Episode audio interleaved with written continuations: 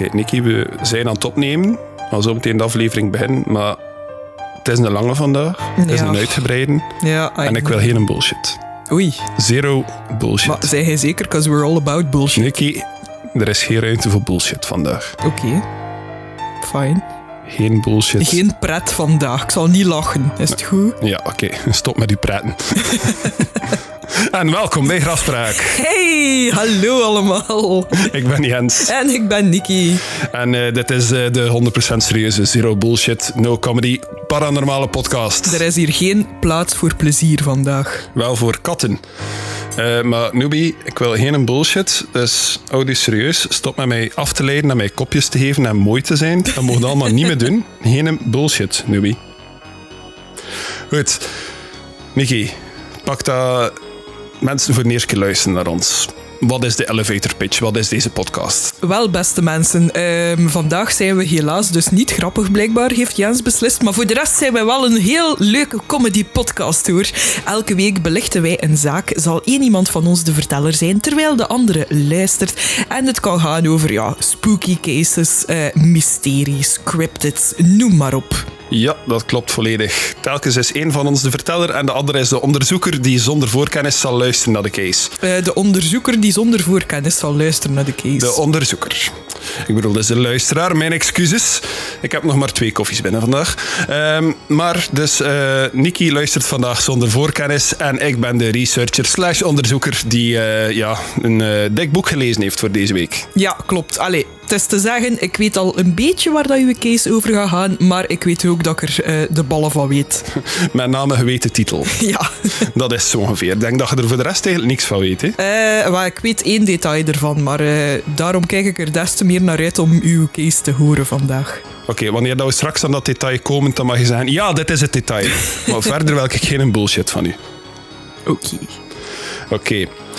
Nu, mensen die Graspraak willen steunen, die kunnen dat op verschillende manieren doen. Er is onder andere een Buy Me a Coffee link op onze website. Mensen die een koffietje doneren, eh, dat kost 3 euro, dacht ik, eh, krijgen daarvoor een shout-out in de aflevering. En mensen die naar onze Patreon gaan op www.patreon.com slash grafspraak en ons daar steunen, krijgen in elke aflevering een shout-out.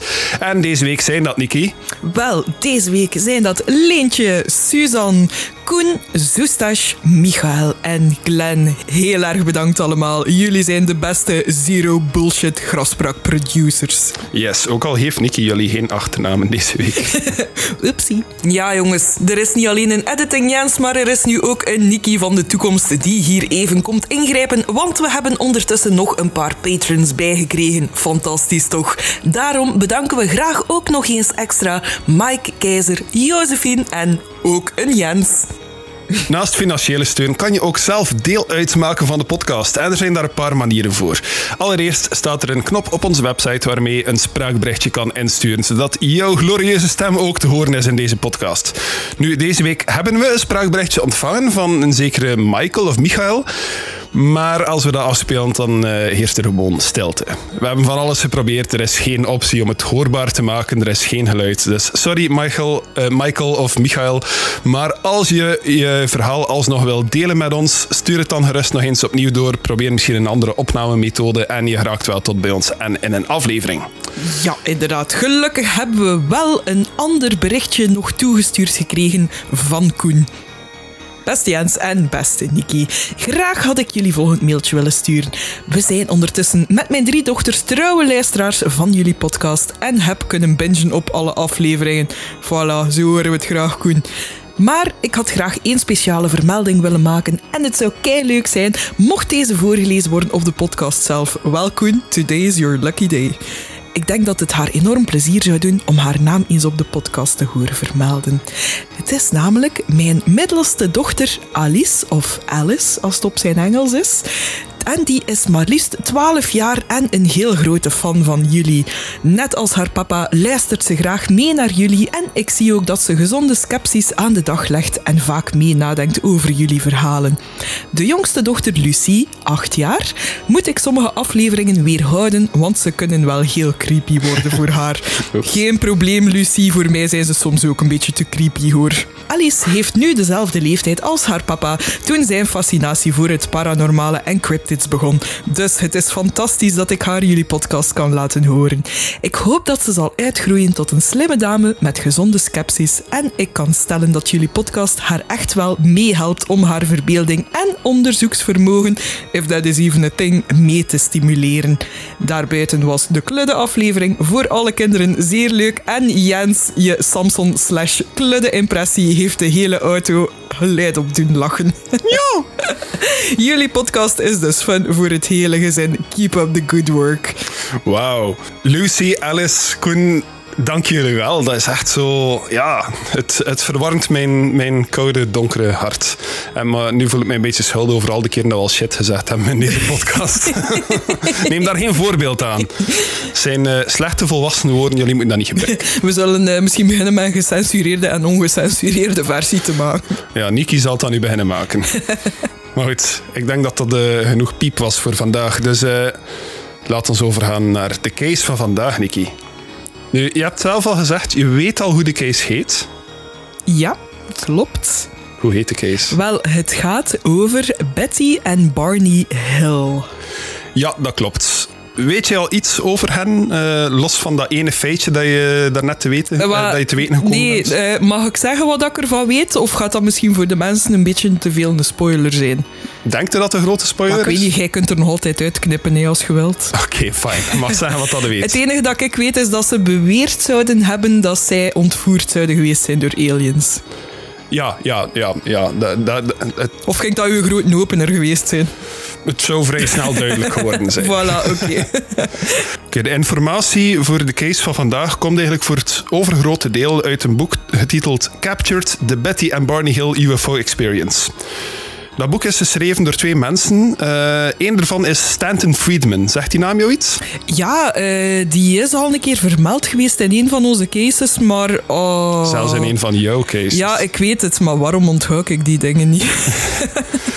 Hij is een man die eh, al heel veel research gedaan heeft over eh, bepaalde cases, meestal UFO-related. Maar een paar van zijn bekendste werken waren over de Roswell Incident en de Majestic 12. Ah, Wel, ik wou juist zeggen dat ik dacht dat de Majestic 12 was. Ja, ik, eh, ben, hij, hij staat niet in de casefile van, dat hij geschreven hebt, dat heb ik opgezocht. Maar ik ben vrij zeker van dat hij wel in die aflevering zal vermeld geweest Ja, zijn. want die naam... Allee, wij hebben die de naam al een keer vermeld in een van onze afleveringen in elk geval. Maar hij staat als is niet geschreven op onze website. Ja. Dat heb ik kunnen achterhalen. Maar ik heb natuurlijk niet naar 50 graspraak geluisterd om dat uit te zoeken.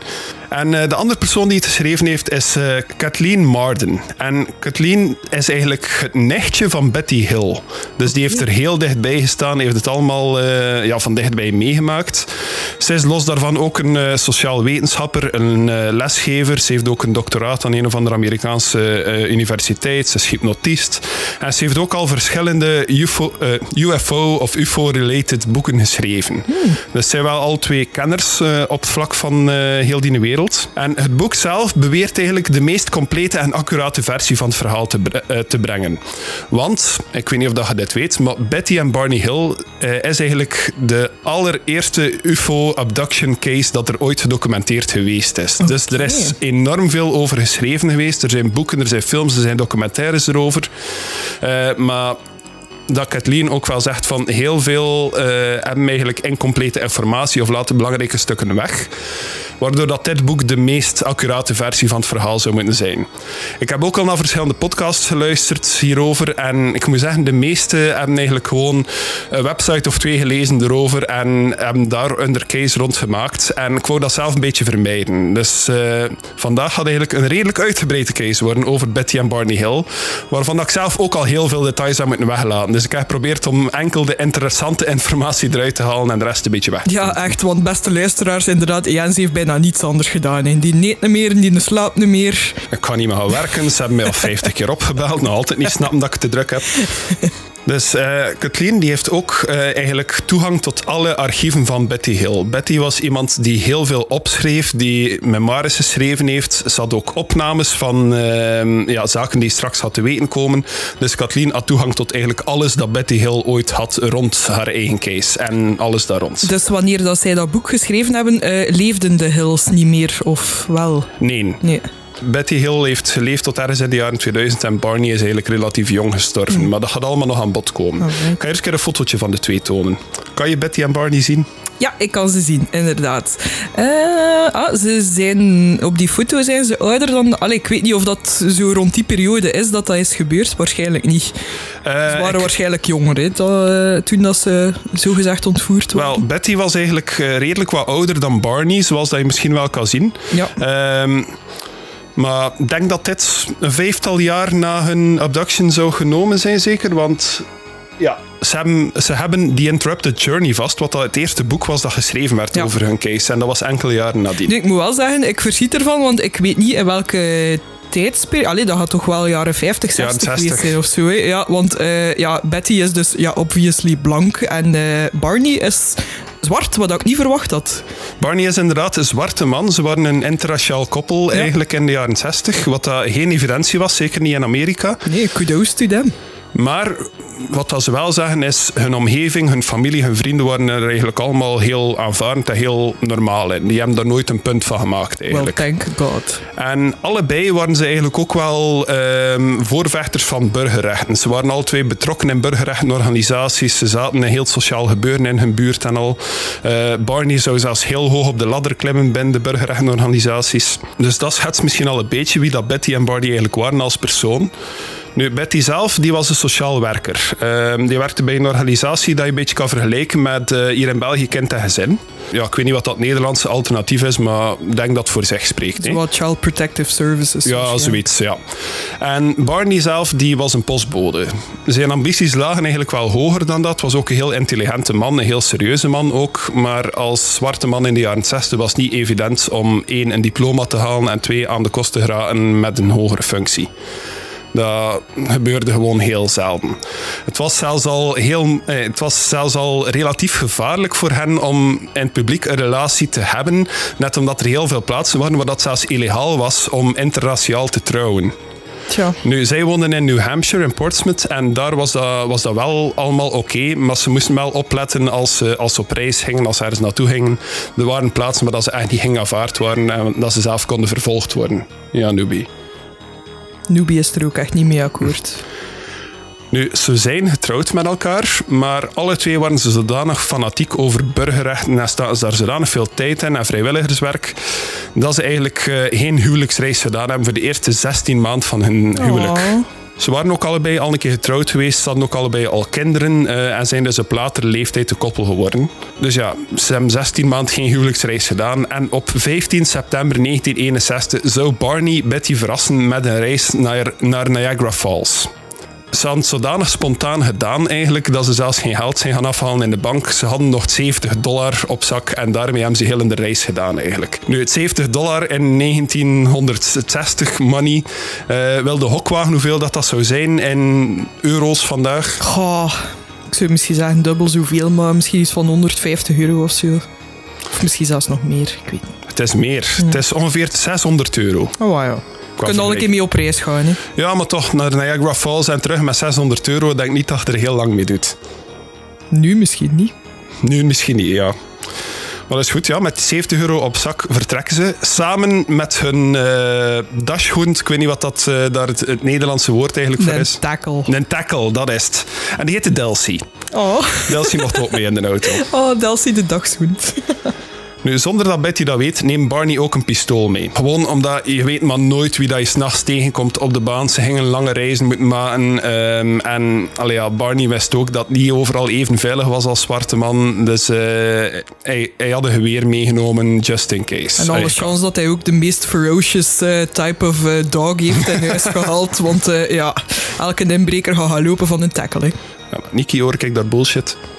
Ah, sorry. Ja, nee. Okay. Terug naar de case. Serieus. We gaan naar dinsdag 19 september en ze missen een afslag aan Montreal.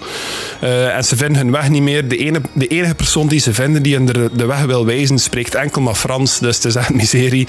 En uh, ze besluiten om gewoon ergens een motel te zoeken aan de buitenrand van de stad. Oké, okay. mag ik u even onderbreken? Want ik ja? denk niet dat wij nu al 100% weten in welk jaartal dat we zitten. 1961. 61, ja. oké. Okay. Dacht dat ik dat gezegd had, maar het is goed dat ik nog een keer vraagt. Nu, daar aan die buitenrand, eerst vinden ze een motel en ze gaan naar een lokale diner uh, om daar nog iets te eten s'avonds.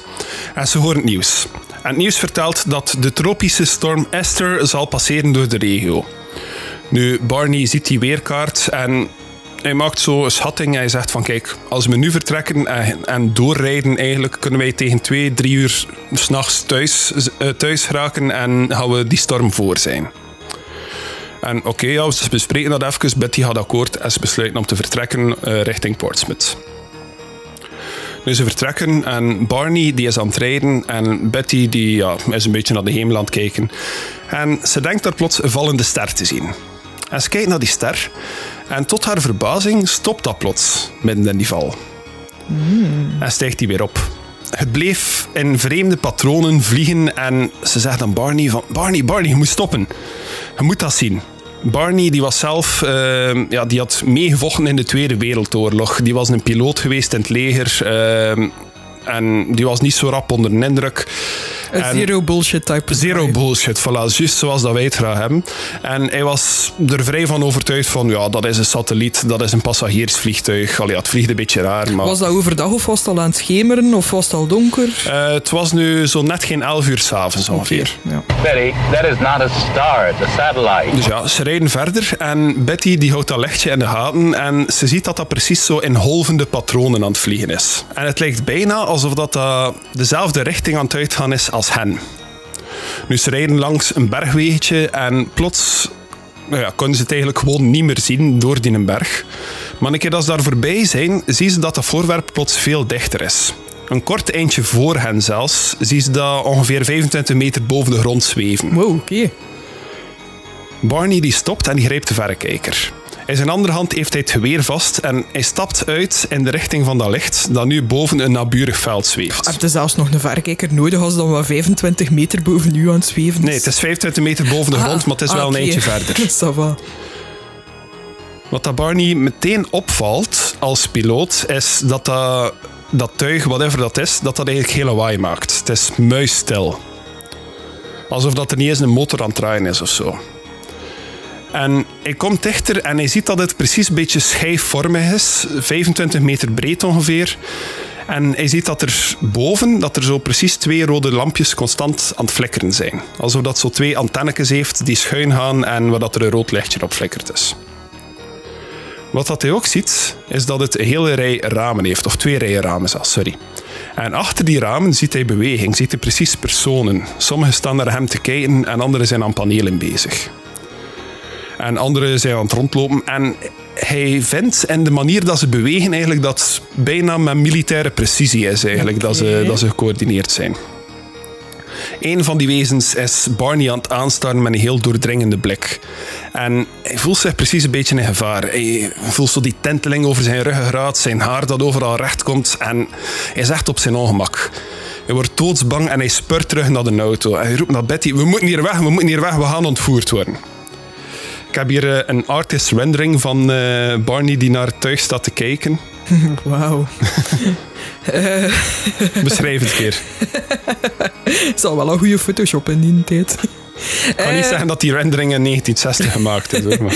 maar het ziet er zo een beetje uit gelijk een tamboerijn dat gewoon aan het zweven is in de lucht. Oh. Dus zoals je straks gaat zien, is dat wel gebaseerd op tekeningen dat de Hills gemaakt hebben.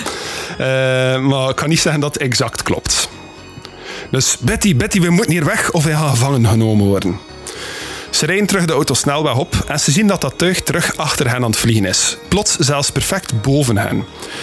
En ze horen een, precies een ritmisch gezoom en getik dat precies vanuit hun motorkap komt. Ze voelen dat heel die auto begint te trillen. Is there something shifting in the car? I don't know. Uh-oh. Do you think that thing is back again? En ze rijden verder tot in Portsmouth. Tot hun verbazing, wanneer dat ze daartoe komen, komt de zon al op. Volgens hun berekening zou het ongeveer 2, 3 uur s'nachts geweest moeten zijn wanneer dat ze thuis kwamen.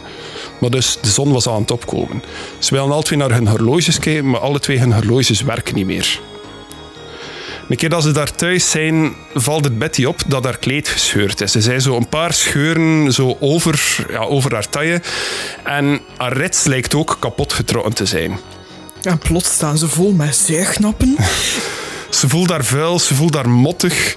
Barney die merkt ook op dat zijn schoenen dat die geschaafd zijn aan de toppen. Alsof dat die over iets gesleept hebben of zo.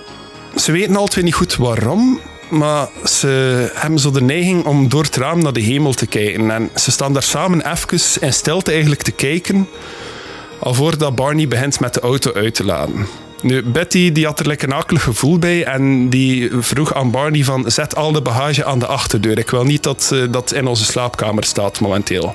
Ze had lekker schrik dat er daar iets radioactief mee gedaan was of zo door whatever dat ze gezien hadden die avond. En ze kroop mijn bed. Nu, de volgende dag hadden ze het nog even over wat hem eigenlijk zien rondvliegen gisteren. Ze hadden het alle twee gezien, Barney van een beetje dichter dan Betty. Eh, maar Barney stelt voor van kijk, we zetten ons elke keer in een aparte kamer en we proberen te tekenen wat dat we gisteren gezien hebben. Dus zo gezegd, zo gedaan. Eh, ik zal het u eventjes tonen. Dit is de tekening die Betty gemaakt heeft. Ja, dat is eh, ja, verrassend heel erg gelijkend op elkaar. Ah, wacht, nee. dat Nee, is- Ja, oké. Dus wat je daar ziet, is eigenlijk die schijf met die ramen. Je ziet die rode lichtjes en je ziet die antennes die er dan uitkomen, dat die rode Ja. lichtjes een beetje verder komen. Maar het is wel het origineel. Je mag gerust beschrijven wat dat jij Ja, allemaal wel, ziet. het is, hè. het is zoals ik daarnet had gezegd, inderdaad. Gewoon, het, het is gelijk een tamboerijn, want het is echt gewoon een, een platte schijf. Alleen maar zo een, een, een dikke schijf, zo'n beetje. Hè. Ehm, en er zitten dus effectief in het midden van dat stuk eh, ja, ramen waar dat er eh, mensjes door aan het kijken zijn. Hè. En eh, red lights on the side. Ja. Nu, dit is de tekening van Barney. Ja, En dat je- is eigenlijk... Delcy ook op die foto trouwens, voor de fans. Wa- Buiten het feit dat Barney duidelijk nooit geen eh, perspectieftekenen heeft gevolgd op school, eh, is het eigenlijk volledig gelijkend aan, eh, ja, aan de andere tekeningen. Nu, die tekeningen gaan ook in de casefile op graspraak.be staan. Ehm, ik zou zeker aanraden om daar een keer een kijkje te gaan nemen. Maar dus, je zegt het al, de tekeningen lijken wel goed op elkaar. Ja. Ongeacht tekentalent en zo. Nu, Barney, zoals ik al zeg, serieuze man, al heel zijn leven aan het proberen om zich op te werken binnen heel de burgerrechten dinges. En eh, zijn reputatie is heel belangrijk voor hem. Surtout als, ja, opnieuw als zwarte man is het geen evidentie om een reputatie op te bouwen zelfs. Een respectabele reputatie. Dus eh, hij had heel veel schrik dat dit naar buiten zou komen. En hij zegt tegen Betty van kijk, ik wil eigenlijk niet dat we hier met, met iemand over praten. Hij wil niet dat zijn naam geassocieerd wordt met aliens en UFO's, want niemand gaat hem nog serieus nemen. Hij is al zijn credibiliteit kwijt dan. Ja, want dat is, hé, allee, dat is het ding waar dat je soms moet bij nadenken als je die verhalen hoort. Van, wat heeft de persoon die daarmee naar buiten komt erbij te winnen? Maar hier in dit geval, inderdaad, allee, zeker in die tijd ook, was het wel belangrijk om je aanzien te behouden en zo. Dus Ja, ja, dus Betty heeft besloten om ermee naar buiten te treden. ja good job, Betty. Die namiddag belde ze met haar zus, ehm, de moeder van Kathleen, die aan dat boek geschreven heeft. Ehm, en Gaan we ze Wilma noemen voor het gemak? eh, ze noemt Janet. Ah, oké. Damn it. Nu, Janet die had zelf ook al UFO's gezien. Nu, dit waren de post-Roswell years, dus UFO's waren wel al een ding in Amerika, maar er had nog nooit iemand echt beweerd contact gehad hebben met aliens. Ze hadden gewoon UFO's zien vliegen, maar er was nog nooit iemand die gezegd dat dat ze ontvoerd waren, of dat ze met aliens gesproken of gezien hadden of gelijk wat. Dus eh, Ja, ik ben nu zelf even vlug aan het denken wanneer dat de Kelly Hopkins Phil Encounter nu weer was, maar ik denk dat dat pas het jaar erop was. dat zou kunnen. Dus ze belt met haar... Met haar Janet. Haar Josh, haar- haar Ja- Ze belt met haar Janet. Eh, en Betty vertelt daar van... Eerst was ik eigenlijk vrij rustig toen ik thuis kwam. Maar hoe meer tijd dat er passeert, hoe, hoe meer dat ik op mijn ongemak ben. En ja, Janet, ik zei die had ook al enkele UFO-sightings meegemaakt. Dus eh, Betty wist dat ze zou geloofd worden door haar. Nu, Janet die zou haar in contact brengen met eh, iemand van een naburige Air Force Base, genaamd Peace Air Force Base. En eh, haar buurman, die een dokter was, eh zou ook een keer met Betty willen spreken. Nu, ik ga eerst van die dokter vertellen. Die zei haar van, neem een kompas en ga daarmee een keer rond je wagen. Aangezien dat die wagen zo is begint trillen en zo, Ja. een kompas is een goede manier om te zien of dat, dat in contact gekomen is met straling, blijkbaar. Dus oké, ja. Betty neemt een kompas en ze gaan naar die auto. Ehm, en wat ziet ze op die auto? Op de motorkap en de kofferbak eh, zijn er zo verschillende plekjes die veel meer glanzend zijn dan de rest van de wagen. En het zijn zo allemaal plekjes zo ter grootte van een muntstuk. Stel je zo een 2 euro stuk voor, ongeveer die grootte. Nu, als Betty rond in auto gaat, dan uh, ja, haar kompas trekt wel een beetje weg, maar zo niet echt iets buitengewoons dat niet zou kunnen gebeuren door hem een beetje te scheef te houden of zo. Maar ze houdt haar kompas ook weer boven die plekjes en elke keer dat ze dat doet, begint dat kompas rond te draaien, als, als een helikopter bijna eigenlijk. Nu, Barney wou er op dat punt niet veel mee te maken hebben, maar ze loopt toch naar binnen en zegt van kijk, je moet het zien, je moet het zien. Dus oké, tegen zijn hoesting gaat hij ook een keer naar buiten en hij probeert dat en hij is ook wel onder de indruk, precies. Oké. Ze laat ook vrienden en familie zo langskomen die dat ook allemaal hebben kunnen zien, ook bepaalde Ah. onderzoekers. Ja, Hey, ze hebben verschillende mensen dat getoond. oké, En- want dat vroeg ik mij inderdaad af van... Het is altijd meer credible als je inderdaad meerdere getuigen hebt, natuurlijk. er hebben dat heel veel Ja. mensen gezien, maar er is geen video of zo van, jammer Ja, ja. Nu, die, eh, die plekjes die zouden zelfs zichtbaar blijven nadat een auto gewassen is. eh, of als een auto in de regen staat, vallen ze zelfs nog altijd meer op. Eh, het zou duren tot ongeveer na, de- na de winter die, daar, die daarop volgde. nadat die auto een paar keer met sneeuw bedekt is geweest, waren die plekjes ook bijna niet meer zichtbaar. Dan is eigenlijk al de alien goo eraf gegaan. Ja, zoiets. Nu, dus ja, verschillende mensen hebben dat getest en konden bevestigen dat die plekjes daar effectief waren. Na het contact met de Air Force Base worden ze ondervraagd door eh, een zekere Paul W. Henderson. Is dat een naam dat je iets zegt? Nee? Nu, dat was een onderzoeker en die zou, ehm, die zou ook rapporteren aan Project Blue Book. Nu, Project Blue Book is iets waar dat jij meer van weet, dus eh, daar ga ik nog niet eh, uitgebreid over spreken vandaag, maar dat komt zeker nog aan bod. Maar ik heb hier wel het officiële rapport dat naar Blue Book is doorgestuurd geweest. Nu, wat dat je vooral ziet in dat rapport, eigenlijk, het is een beetje veel om het allemaal te lezen, al ja, het zijn een paar pagina's, is eigenlijk gewoon een beschrijving van de case zoals dat ik ze nu een beetje geven heb, met zo'n beetje meer gedetailleerde eh, beschrijving van de craft en al. Bijvoorbeeld ja, van kleur. Het enige kleur dat opviel was eigenlijk het, het licht dat door de ramen kwam en de rode lampjes. Dat er precies zo twee antennes of vleugels uit de, de zijkant of diagonaal naar boven hingen. Ehm, dat eerst gezien werd vanuit de auto. Dat, dat soort dingen staan er allemaal in. Het is eigenlijk gewoon een heel eh, objectieve beschrijving ja, dat er heel, allemaal in staat. heel droog en formeel. Ja. Ja, inderdaad. Nu, dat wordt doorgestuurd naar Project Blue Book. En Henderson moet ook als notitie geschreven hebben dat er op diezelfde dag op de radar van Peace Air Force Base ook een onbekend vreemd voorwerp gesignaleerd was geweest, maar dat er geen belang aan gehecht werd. Nu, het besluit van Project Blue Book is, de sightings die zijn door weer beïnvloed. Eh, de Hills die hebben waarschijnlijk een of andere lichtreclame gezien. en dat als een rode vuurbal eh, Of beschouwd. course. Nu, het klopt wel dat er daar een soort Halloween-winkel in de buurt was, waar dat er een, eh, een hoge verlichte jack-o'-lantern in de lucht stond. dus er zijn mensen die theoriseren dat dat eigenlijk de lichtbol is dat ze gezien hebben. Maar ik denk niet dat die in golvende patronen gaan bewegen en rondvliegen en hun volgen. Tenzij dan te zo gelijk zo'n, ehm je weet wel, hè, zo bij van die car dealerships. Zo een Ja. windmanneken, zo, dat zo heen en weer staat te wiegen. ik, ik ben dat hier visueel aan het doen, en Jens, omdat ik er geen naam voor heb, maar ik denk dat je wel weet wat ik bedoel. Hè. Ja, ja zo'n eh, zo'n arm-dingesman. Maar dan Ja, nog, ja, allee. Flappy Flappy Man. Flappy Boy. Is dat de naam? Flap Boy. Mickey, nu we zijn weer in onze bullshit. Get off your bullshit. Dus Betty herinnerde haar achteraf ook nog dat er tijdens die eerste gesprekken aan Peace Air Force Base dat er ook werd gezegd dat er vliegtuigen waren ingezet geweest om, eh, om het onbekende voorwerp op radar te vinden. Maar dat zou later ook ontkend worden. De bevindingen die Blue Book uiteindelijk had, waren, eh, eh, lieten eigenlijk heel veel belangrijke informatie achterwege. Het zou ook acht dagen duren voordat er eh, iets van een report naar boven kwam, met als uitleg eigenlijk dat eh, hun informanten niet genoeg beschikbaar waren. Nu, Betty en Barney waren de informanten in dat geval en die hebben nogthans wel hun melding vrij kort na het incident zelf gedaan, een dag of twee eigenlijk. En waren bijna voortdurend beschikbaar. Ze hadden er telefoonnummers Tja. ze woonden niet ver. Toch zou Blue Book beweren dat, er, eh, dat ze niet genoeg bereikbaar waren. Maar ik zou zeggen, can't say I'm surprised na alles dat ik nu al heb opgezocht. Maar Ja. later meer daarover. Ze zouden ook nog eh Blue Book vanuit een andere bron melding krijgen dat de avond ervoor, eh, dus voor middernacht gewoon eigenlijk, dat er ook een gelijkaardig getuig gezien werd. Niet zo ver daar vandaan. Nu, ik heb hier ook de conclusie van Project Blue Book en eh, het is eigenlijk maar één zin. ik kon het ergens al raden.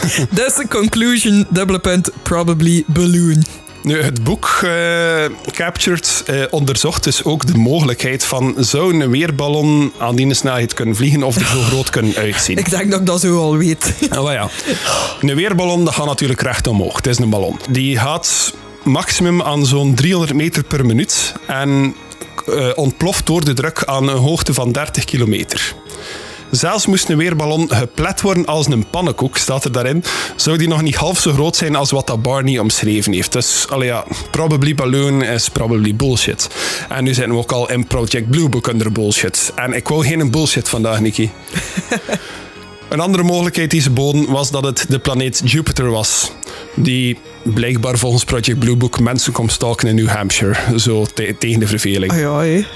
Wat wilde? Als je gewoon de hele tijd in het universum wat aan het rondhangen bent. Ah, wel, ik, ik haat dat ook. Je zit al s'nachts op je gemak aan het trainen. En dan zit Jupiter opeens op je dak. En dan begint dat te zoomen en te trillen. Ze stellen ook dat de Hills geen informatie gegeven hebben over de vluchtpatroon en de windrichtingen. Die zijn nogthans allemaal terug te vinden in het originele report van Henderson. Ja, ik heb het net zien staan. Ja. Allee.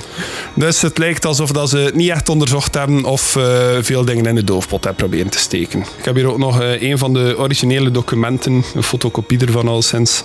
22 november, dus dat is ja, een kleine maand na eh, dat het gebeurd is. Hè. Ja, twee maanden eigenlijk, maar het is dus eigenlijk gewoon Ah, ja, een, ja. eh, ja, nog wat informatie over de Barney Hill sighting van 20 september 1961. Eh, gewoon, het is een report na het onderzoek eigenlijk. The case is carried as insufficient data in the Air Force files. Mhm. Tuurlijk. Nu, ik heb ook wel gelezen, kom straks ook nog terug, maar, terug, maar eh, dat bij Project Blue Book dat zo'n 20% van alle cases dat zij ooit behandeld hebben eh, gesloten zijn met insufficient data. Ja, ah, wel, ik wil er nu nog niet te diep op ingaan, omdat nu ook wel, eh, ja, verrassing, verrassing, een onderwerp is dat bij mij aan bod gaat komen. Maar there's a lot of bullshit there. Nu, Betty die wou meer te weten komen over, eh, ja, over UFO's in het algemeen, want dat was eigenlijk een onderwerp dat ze niet heel mee vertrouwd was. Ze wist dat dat bestond, zoals dat iedereen wel weet, eh, dat er daar verhalen rond zijn, maar dat was alles dat ze erover kende. Eh, en ze zou een UFO-boek getiteld The Flying Saucer Conspiracy, dat geschreven is door Major Donald Kehoe, die een, ja, lid is van NICAP.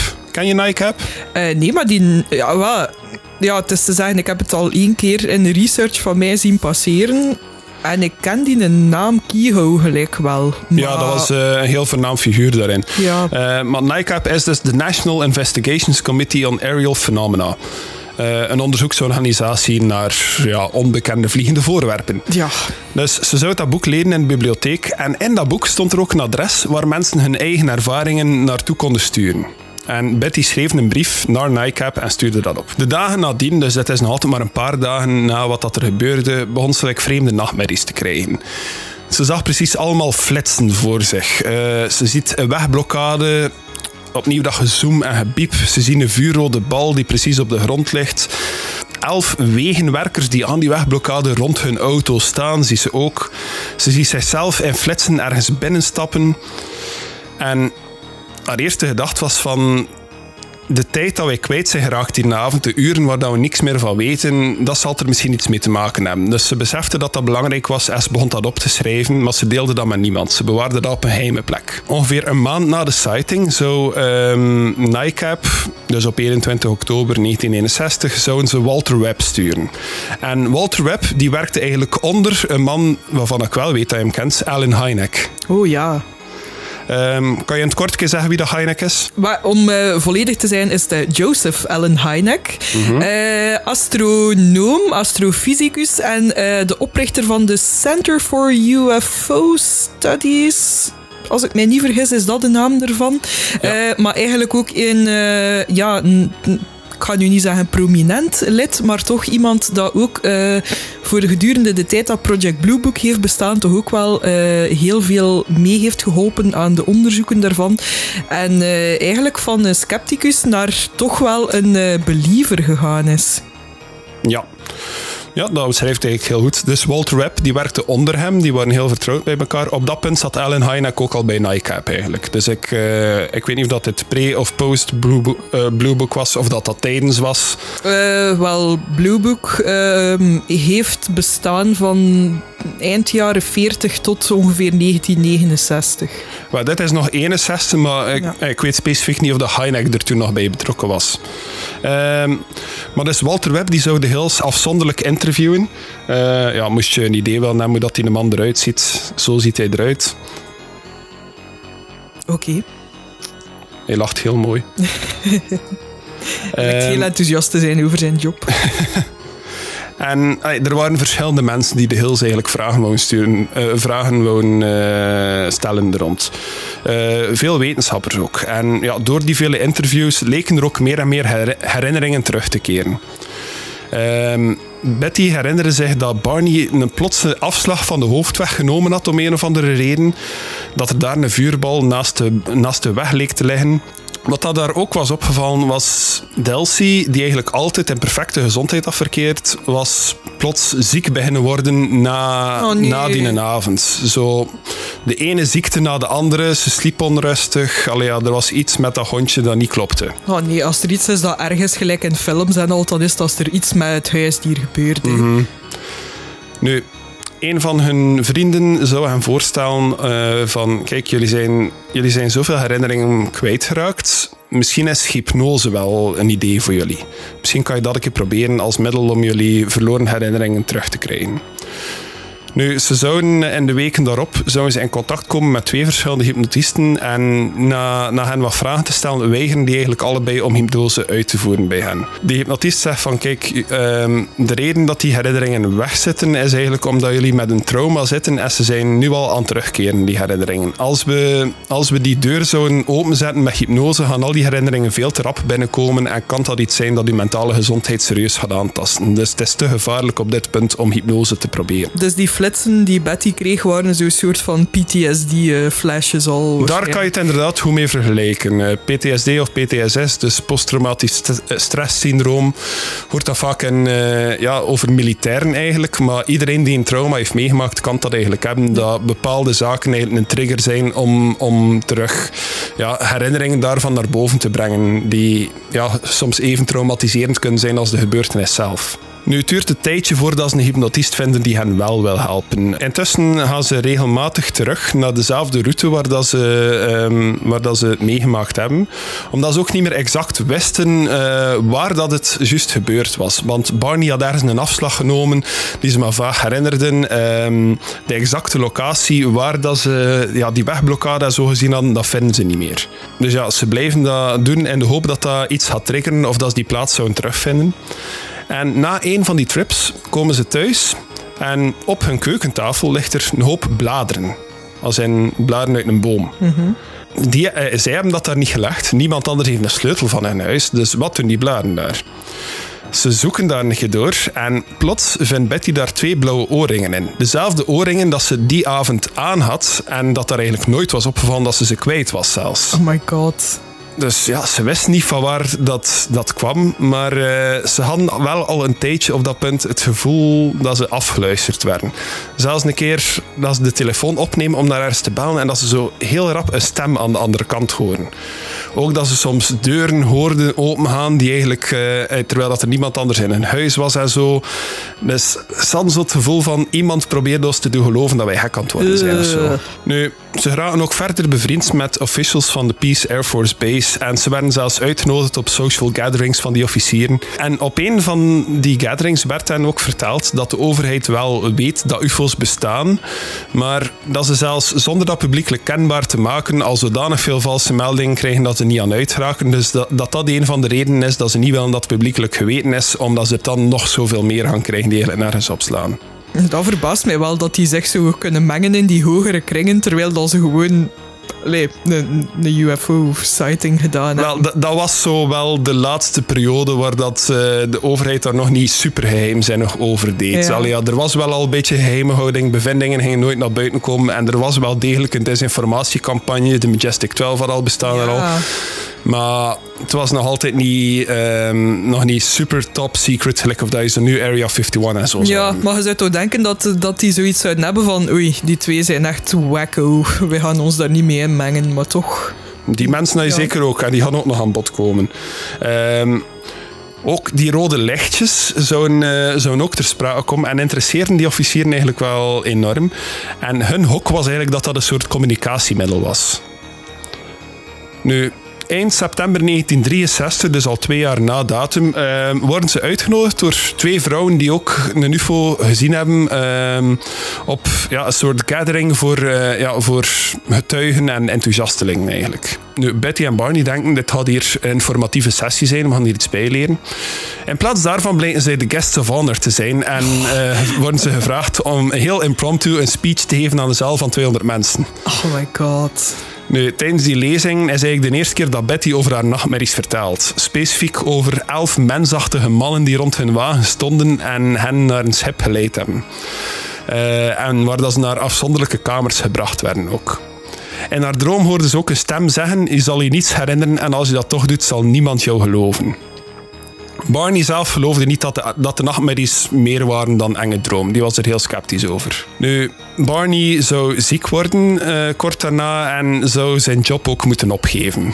Waardoor dat hij wel meer tijd had om na te denken en begon er bij hem ook bepaalde herinneringen terug te komen. De wegblokkade kon hij zich ook herinneren. Nu is het onduidelijk van, zou dat ook gebeurd zijn als Betty daar al niet over verteld had? Ja, wauw.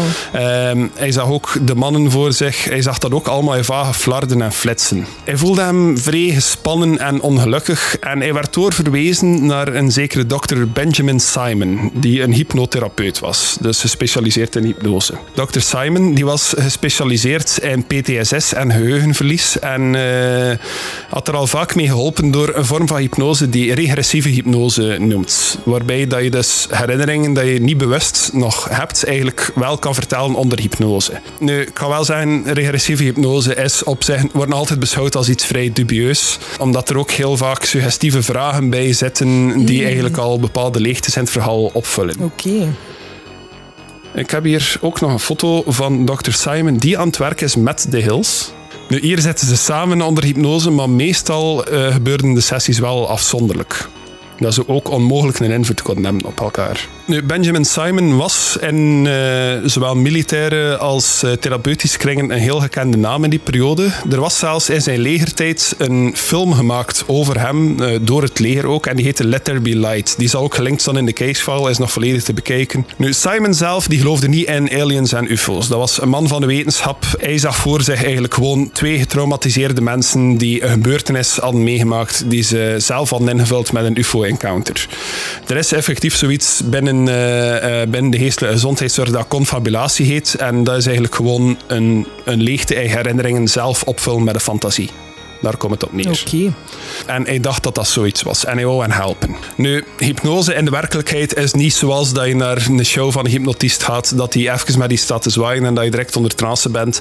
De Hills zouden drie intensieve weken nodig gehad hebben om zelfs nog maar vatbaar te zijn voor hypnose. Dus dat is echt wel een intensieve voorbereiding. Maar ergens heb ik dat gelijk altijd wel al een keer willen doen, zo mezelf laten hypnotiseren. Ja, dat ik, ik altijd ook. zoiets heb, zo van, hm, oké, de scepticus in mij heeft zoiets van, oké, we zien wel, maar toch wil ik dat zo gelijk een kans geven. Zo van, what if, als ik het zelf meemaak, dat ik dan wel gelijk meer een believer zou zijn of zo. Ja, het is dat. Ik sta ook open voor het idee, maar ik ben niet volledig overtuigd dat het realiteit is. En ik denk dat heel vaak, zeker voor zo'n publiekshows en al, dat ze er gewoon mensen uithalen die, die al op voorhand, eh Ja, waar dat er op voorhand al iets mee afgesproken Maar ik denk dat zo gelijk mensen dat willen stoppen met roken onder hypnose of zo. Misschien dat dat zo een stukje helpt als placebo-effect dan ook zo, dat hypnotiseren. Dat hen dat misschien zo overtuigd maakt van oké, ik ben gehypnotiseerd en dat dat ja, misschien helpt. Wie weet. Nu, tijdens de sessies zouden er inderdaad dingen naar boven komen, maar Dr. Simon wist ook van als jullie al deze herinneringen eh, in één keer te verwerken krijgen na de hypnose, had dat veel te veel zijn. Dus hij zette een soort mentale blokkade eh, op, een soort retrograde amnesie eigenlijk, wat dat er eigenlijk voor zorgde dat ze niet herinnerden na de sessie wat ze tijdens de sessie gezegd hadden. Mooi. En hij zou pas nadat alles afgerond was, zou hij nog enkele sessies doen om die informatie druppelgewijs eigenlijk terug te laten keren bij hen. Dat is wel wild. Ja, wel. Eh, Ik weet niet tot hoe ver dat de hypnose kan gaan, maar ik weet dat hij heel veel dingen uit een onderbewustzijn kan halen. En eh, als je dat allemaal kan, Ja, maar dat je daar zelf opzetten. niet bewust van bent dat je die dingen zegt. Allee, dat, dat begint mij zo te lijken op gelijk die LSD-ondervragingen van The Family en zo. Ja, ja. Ja, je zei daar echt niet bewust van wat, dat, van wat dat je doet. Dat is echt onder hypnose. Ja. Maar alle sessies eh, die gebeurden met Dr. Simon werden ook opgenomen eh, op audiotapes. Benjamin Simon zelf moet ook gezegd hebben, die, deze vorm regressieve hypnose, dat, eh, dat werkt bij ongeveer 20% van de mensen. Bij 80% kunnen daar gewoon zelfs niet aan beginnen. Maar Betty en Barney Hill waren wel in staat om diep genoeg te graven in hun brein om er effect van te hebben. Zo vier maand lang zouden ze regelmatig hypnosesessies sessies doen met hem.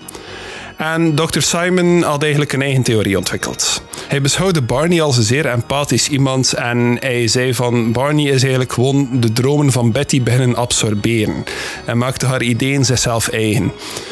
Nu, ik weet niet of dat hij bedoelde, Betty vertelde die dromen en Barney eigende dat zich toe. Of Betty straalde dat uit eh, via haar hoofd en Barney heeft dat opgepikt via zijn eh, onzichtbare empathische antenne of zo. Ik weet niet wat dat hij ermee wil zeggen, maar... Ja, wel, nee, maar ik kan me daar wel iets bij voorstellen. Want als ik gelijk zo, allez, stom voorbeeld, maar iets niet terugvind, dan ga ik zo in mijn herinneringen graven en dan denk ik van, ah, zou dat kunnen dat ik achter dat dan dat gedaan heb? En dat is dan gelijk dat ik mij dat visueel kan voorstellen, dat dat gebeurt, terwijl dat niet eens 100% zeker ben of dat dat wel gebeurd is.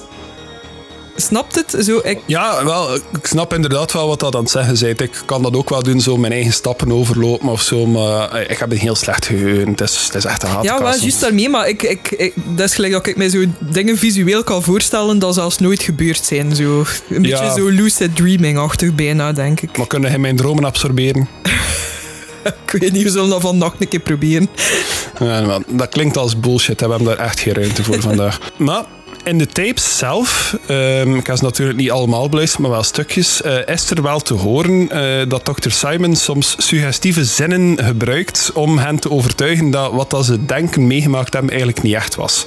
En allebei op die momenten reageren ze er wel op van het was wel echt. Dus allee, zelfs onder hypnose, wanneer dat ze niet bewust zijn, blijven ze wel voet bij stuk houden dat het Oké. allemaal echt gebeurd is. De voornaamste reden tot die sceptisch is dat Betty haar dromen al was beginnen noteren en al deels als waarheid aanzag voor de hypnose. Dus onder hypnose gaat ook enkel maar zeggen wat dat het denkt dat de waarheid is.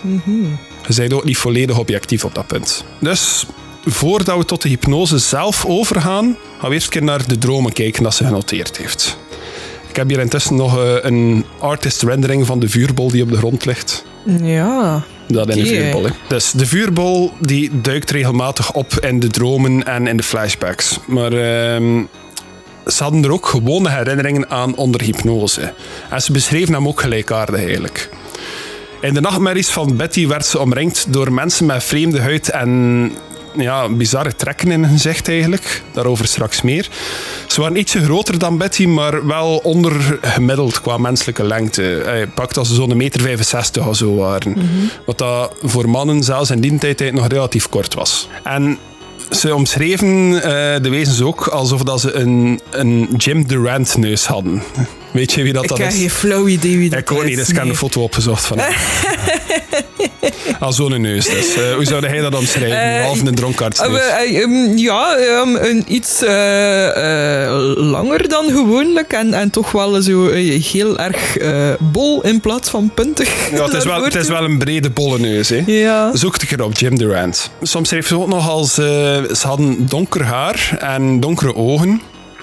Een van hen sprak, maar die mond bewoog niet. Het was alsof dat er daar wel een opening was, maar dat er een soort vlies achter zat.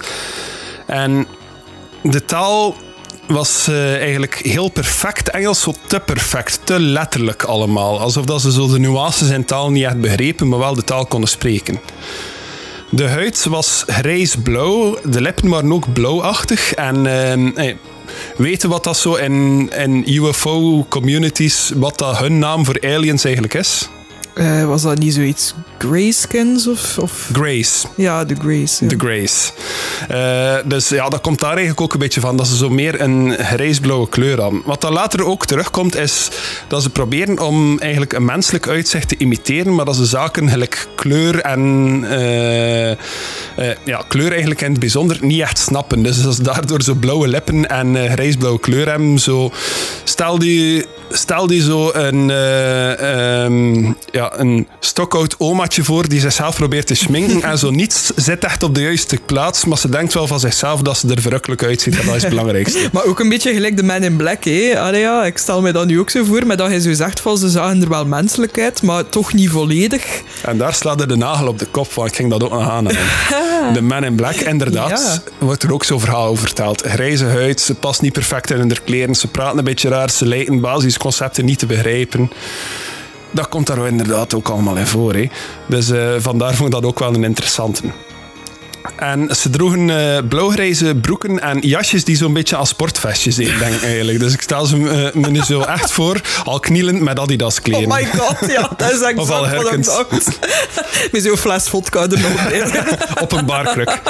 In haar dromen zag ze ook dat ze meegenomen werden naar een opening en dat ze daar onderworpen werden aan fysieke onderzoeken. Eh haar dat geknipt werd, naast dat geknipt werden, huid dat geschraapt werd, een soort EEG die afgenomen werd.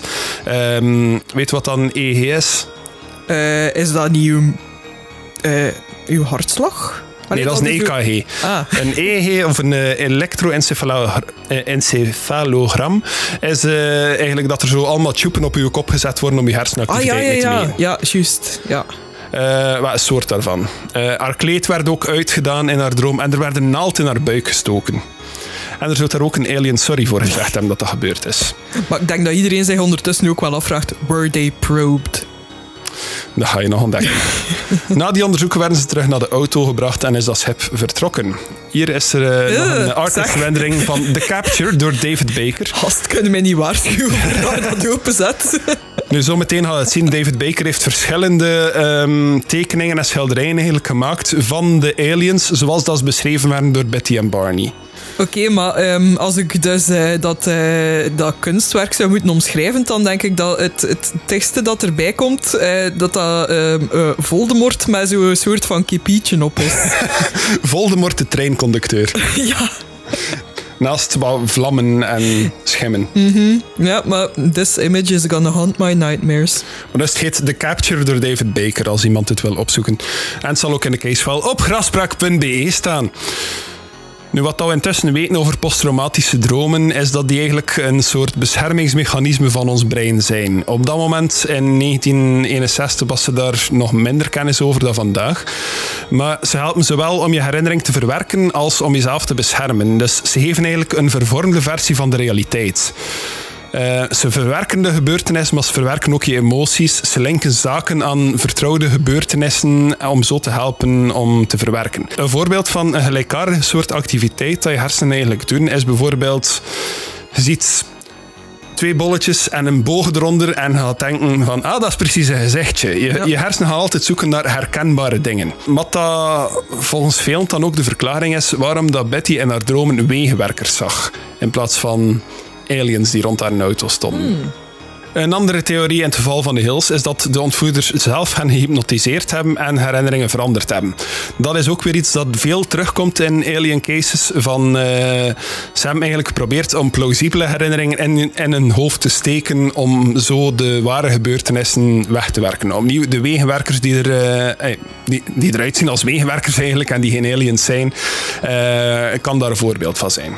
In Captured worden de hypnosesessies eh, heel, heel, heel uitgebreid uiteengedaan. Het is een interessant boek, maar het herhaalt wel heel veel dingen. Maar je krijgt heel veel detail over de hypnosesessies. En er wordt zelfs eh, bijgezegd dat het eerste boek, The Interrupted Journey, veel details heeft weggelaten en eh, een paar keer de bal heeft misgeslaan, waardoor dat er extra sceptisch ontstaan is. Nu, hypnosegetuigenissen zijn beïnvloedbaar, daar moeten we zeker rekening mee houden. Maar doordat ze in afzonderlijke ruimtes zaten en doordat er mentale blokkades werden opgesteld, zodat ze geen herinnering hadden nadien, was er wel een bepaalde controle over welke informatie dat ze konden delen met elkaar. En eh, er werden ook wel soorten vragen gesteld die eigenlijk niet op voorhand konden afgesproken worden met elkaar. Ze waren ook heel anders in hun vertellen eigenlijk. Barney was heel precies en gestructureerd en Betty die maakte sprongen van het een naar het ander. Ook zijn er kleine verschillen in het verhaal van ja, zo de route dat ze gevolgd hebben, bijvoorbeeld, eh, zitten er verschillen in. Nu, dat betekent niet per se dat een van hen aan het liegen is, maar gewoon dat hun geheugen anders werkt. Eh, en dat ja, sommige details gewoon als onbelangrijk worden weggefilterd. Dat is bij iedereen zo. Volgens hypnose zou dit, wat ik u nu ga vertellen, het volledige verhaal van die avond zijn. Dus ze zijn op de terugweg ehm, na, nadat ze gehoord hebben van die storm. Tot daar klopt het. Ze maken nog ergens een stop om de hond uit te laten. Nu, Barney ziet van, oké, aan deze stop, er staan hier van alles van vuilbakken en zo. Dat wil zeggen dat er hier ook beren kunnen zitten. Dus hij had ook zijn geweer al bij de hand. En ze zien een licht in de verte. En Barney is vrij zeker dat het satelliet is. En Betty zegt van, het is te groot, het is te onregelmatig. En Barney kijkt door de verrekijker en hij ziet dat er ramen in zitten en dat hij in hun richting uitkomt. Dus Barney maakt dat hij daar weg is. Uh, ze neemt de auto en ze gaan weg. Uh, Barney die was eigenlijk een beetje geërgerd door Betty, die maar bezig bleef over die lichten die gaan aan het volgen waren. Barney had gewoon iets van: ik wil naar huis, het is een satelliet, het is een vliegtuig, maakt mij echt geen fuck uit. Maar Betty zegt wel dat hij zelf regelmatig ook een keer over zijn schouder aan het kijken was in die richting. Betty zag het ook over een bepaald restaurant vliegen en net het moment dat dat licht over dat restaurant passeert, ziet ze alle lichten in het restaurant uitgaan. Misschien ging ze net dicht, of misschien heeft dat schip iets veroorzaakt, dat is onduidelijk. Maar ze dacht wel van, eh, mensen in dat restaurant zouden toch ook iets moeten gezien hebben. Er moet dan nog iemand aan het werk geweest zijn of zo. Onder hypnose vertellen ze allebei van we zagen dat licht op en neer gaan. We zagen rode lichtjes flikkeren. Uh, soms draaide dat toestel horizontaal of verticaal. Soms ging het recht omhoog. Het maakte heel rare patronen allemaal. Barney die besluit om af te wijken van de hoofdweg en een meer scenische zijroute te nemen, waar ze ook minder eh, out in the open reden eigenlijk. En ze rijden langs The Old Man of the Mountain, wat dat het embleem van New Hampshire is. Als ik het u toon, ga je het waarschijnlijk wel herkennen. Hmm, ja. Ik denk dat zelfs keer in The Simpsons gezeten heeft of zo. dat is ook Nu, ergens langs die route stoppen ze eventjes en besluit Barney om even uit te stappen en te kijken. En hij omschrijft het tuig dat eigenlijk aan het bewegen is als zo... Um, kende dat zo'n paletje met een koordje en een balletje eraan eigenlijk? Die bal die heel het heen en weer gaat. Ja, gaat. ja. het was dat soort beweging dat hij eigenlijk probeerde te omschrijven. Oké. Ehm, ik heb daar wel een vraag over, want nu natuurlijk, daarvoor had al gezegd dat zowel Betty als Barney ehm, een tekening hebben gemaakt van wat ze zagen, maar blijkbaar bleef dat ding dus altijd op een heel verre afstand van hen. Uh, en Barney heeft wel door zijn verrekijker gekeken, maar allee, aangezien dat Betty dat ook zo duidelijk heeft kunnen uittekenen, vraag ik me af, heeft ze zij dan ook op een bepaald punt in de verrekijker genomen of zo? Of hoe heeft zij anders die tekening kunnen maken? Zoals dat ik zeg, ik laat sommige details een klein beetje weg, okay, om, omdat ja. anders heel uitgebreid wordt. Maar uh, er wordt in het boek wel omschreven dat, uh, dat Betty met haar bovenlijf uit het zijraam van de auto hangen heeft met die verrekijker al kijkend naar okay. dat ding. ik zie mezelf dat ook nog wel doen. Nu, tijdens het vertellen, en gaat dat zo meteen ook horen, um, wordt Barney alsmaar angstiger en smeekt hij Dr. Simon bijna om te mogen wakker worden. Mm. Uh, hoe dichter dat ze komen bij de encounter zelf, hoe paniekeriger dat Barney wordt. En Dr. Simon verzekert hem van het is niet echt, het is een herinnering, het kan je niets doen. Maar Barney is doodsbang. Zelfs tijdens die hypnose, hij ligt daar te schreien als een kind. Opnieuw, Barney is een heel serieuze man, heel veel belang aan zijn reputatie. Ik denk niet dat dat type is dat de rap openbaar gaat zien wenen of zo, maar die lag te, te blijten. Hij, hij was doodsangst aan het doorstaan tijdens die hypnose. Ze zien dat boven een veld aan het zweven is en dat alles muisstil is. En plots schiet dat voertuig tot vlak voor hun wagen eigenlijk. Zo bliksemsnel bijna. Dit is ook een foto van de plaats waar dat, dat gebeurd is. Natuurlijk Ja. niet diezelfde Ja. dag, maar ja, het is, het is gewoon langs de weg.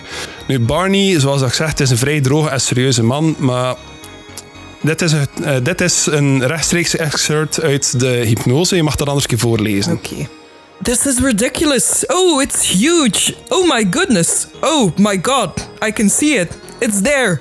And there are lights. Oh, jeez. I don't believe this. I don't believe this. I don't believe this. It's huge. And there are people there. And they're looking back at me. Oh my god, help me. If there is a god, help me. Coming closer. I'm coming closer. There's a man up there. And he's not gonna let me go away. Oh, oh, it's big. 80 feet. Look at it. Oh, look at it. Two red lights. They're on the side of it. It's like a pancake. It looks. I'm, I'm not gonna say it. I don't believe flying saucers are real. I'm, I'm not gonna say it. I don't even want to say that word again. I don't ever want to say that Oh, word again. sorry. Goed gedaan. Dus Barney neemt zijn geweer en zijn verrekijker en hij staat te kijken vanuit de deuropening van de wagen. Dat tuig richt de ramen op hen en gleed verder naar nabijveld. Barney die stapt uit en die wandelt met de verrekijker in de hand over de snelweg en die bleef kijken. Hij zag daar een man met een rond gezicht en de bouw van dat gezicht deed hem precies denken aan, aan een roodharige Ier. Dat was zijn eerste associatie ermee. Ehm, Oké.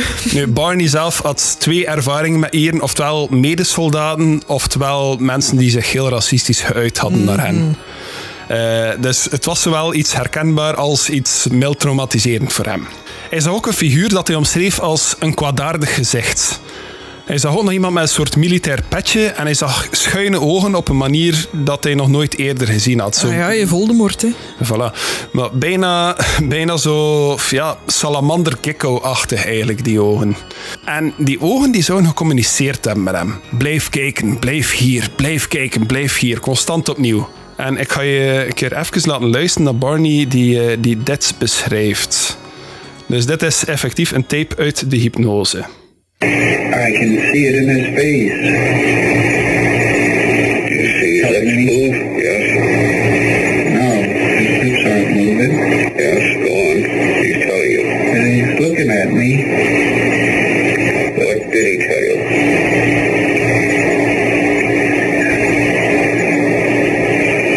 Stay there and keep looking. Just keep looking and stay there and just keep looking. Just keep looking. Could you hear him? Oh, I gotta pull these binoculars away from my eyes. Because if I don't, I'll just keep staying there. Could you hear him tell you this? Oh, no, he didn't say it. You felt he said it. I, I know. You know he Just there, yeah. Just stay there, he's saying to me. All right. I'll dig in my head. All right. Pull the binoculars away. God, give me strength. All right. Pull them down. Run! Pull these binoculars down and run. God! If they my God, give me strength. I gotta get away. Oh! Oh! Baby! All right. All you gotta get away, baby! All right. Calm down. Calm down. I'm driving. I gotta get away. How could you be sure he was telling you this?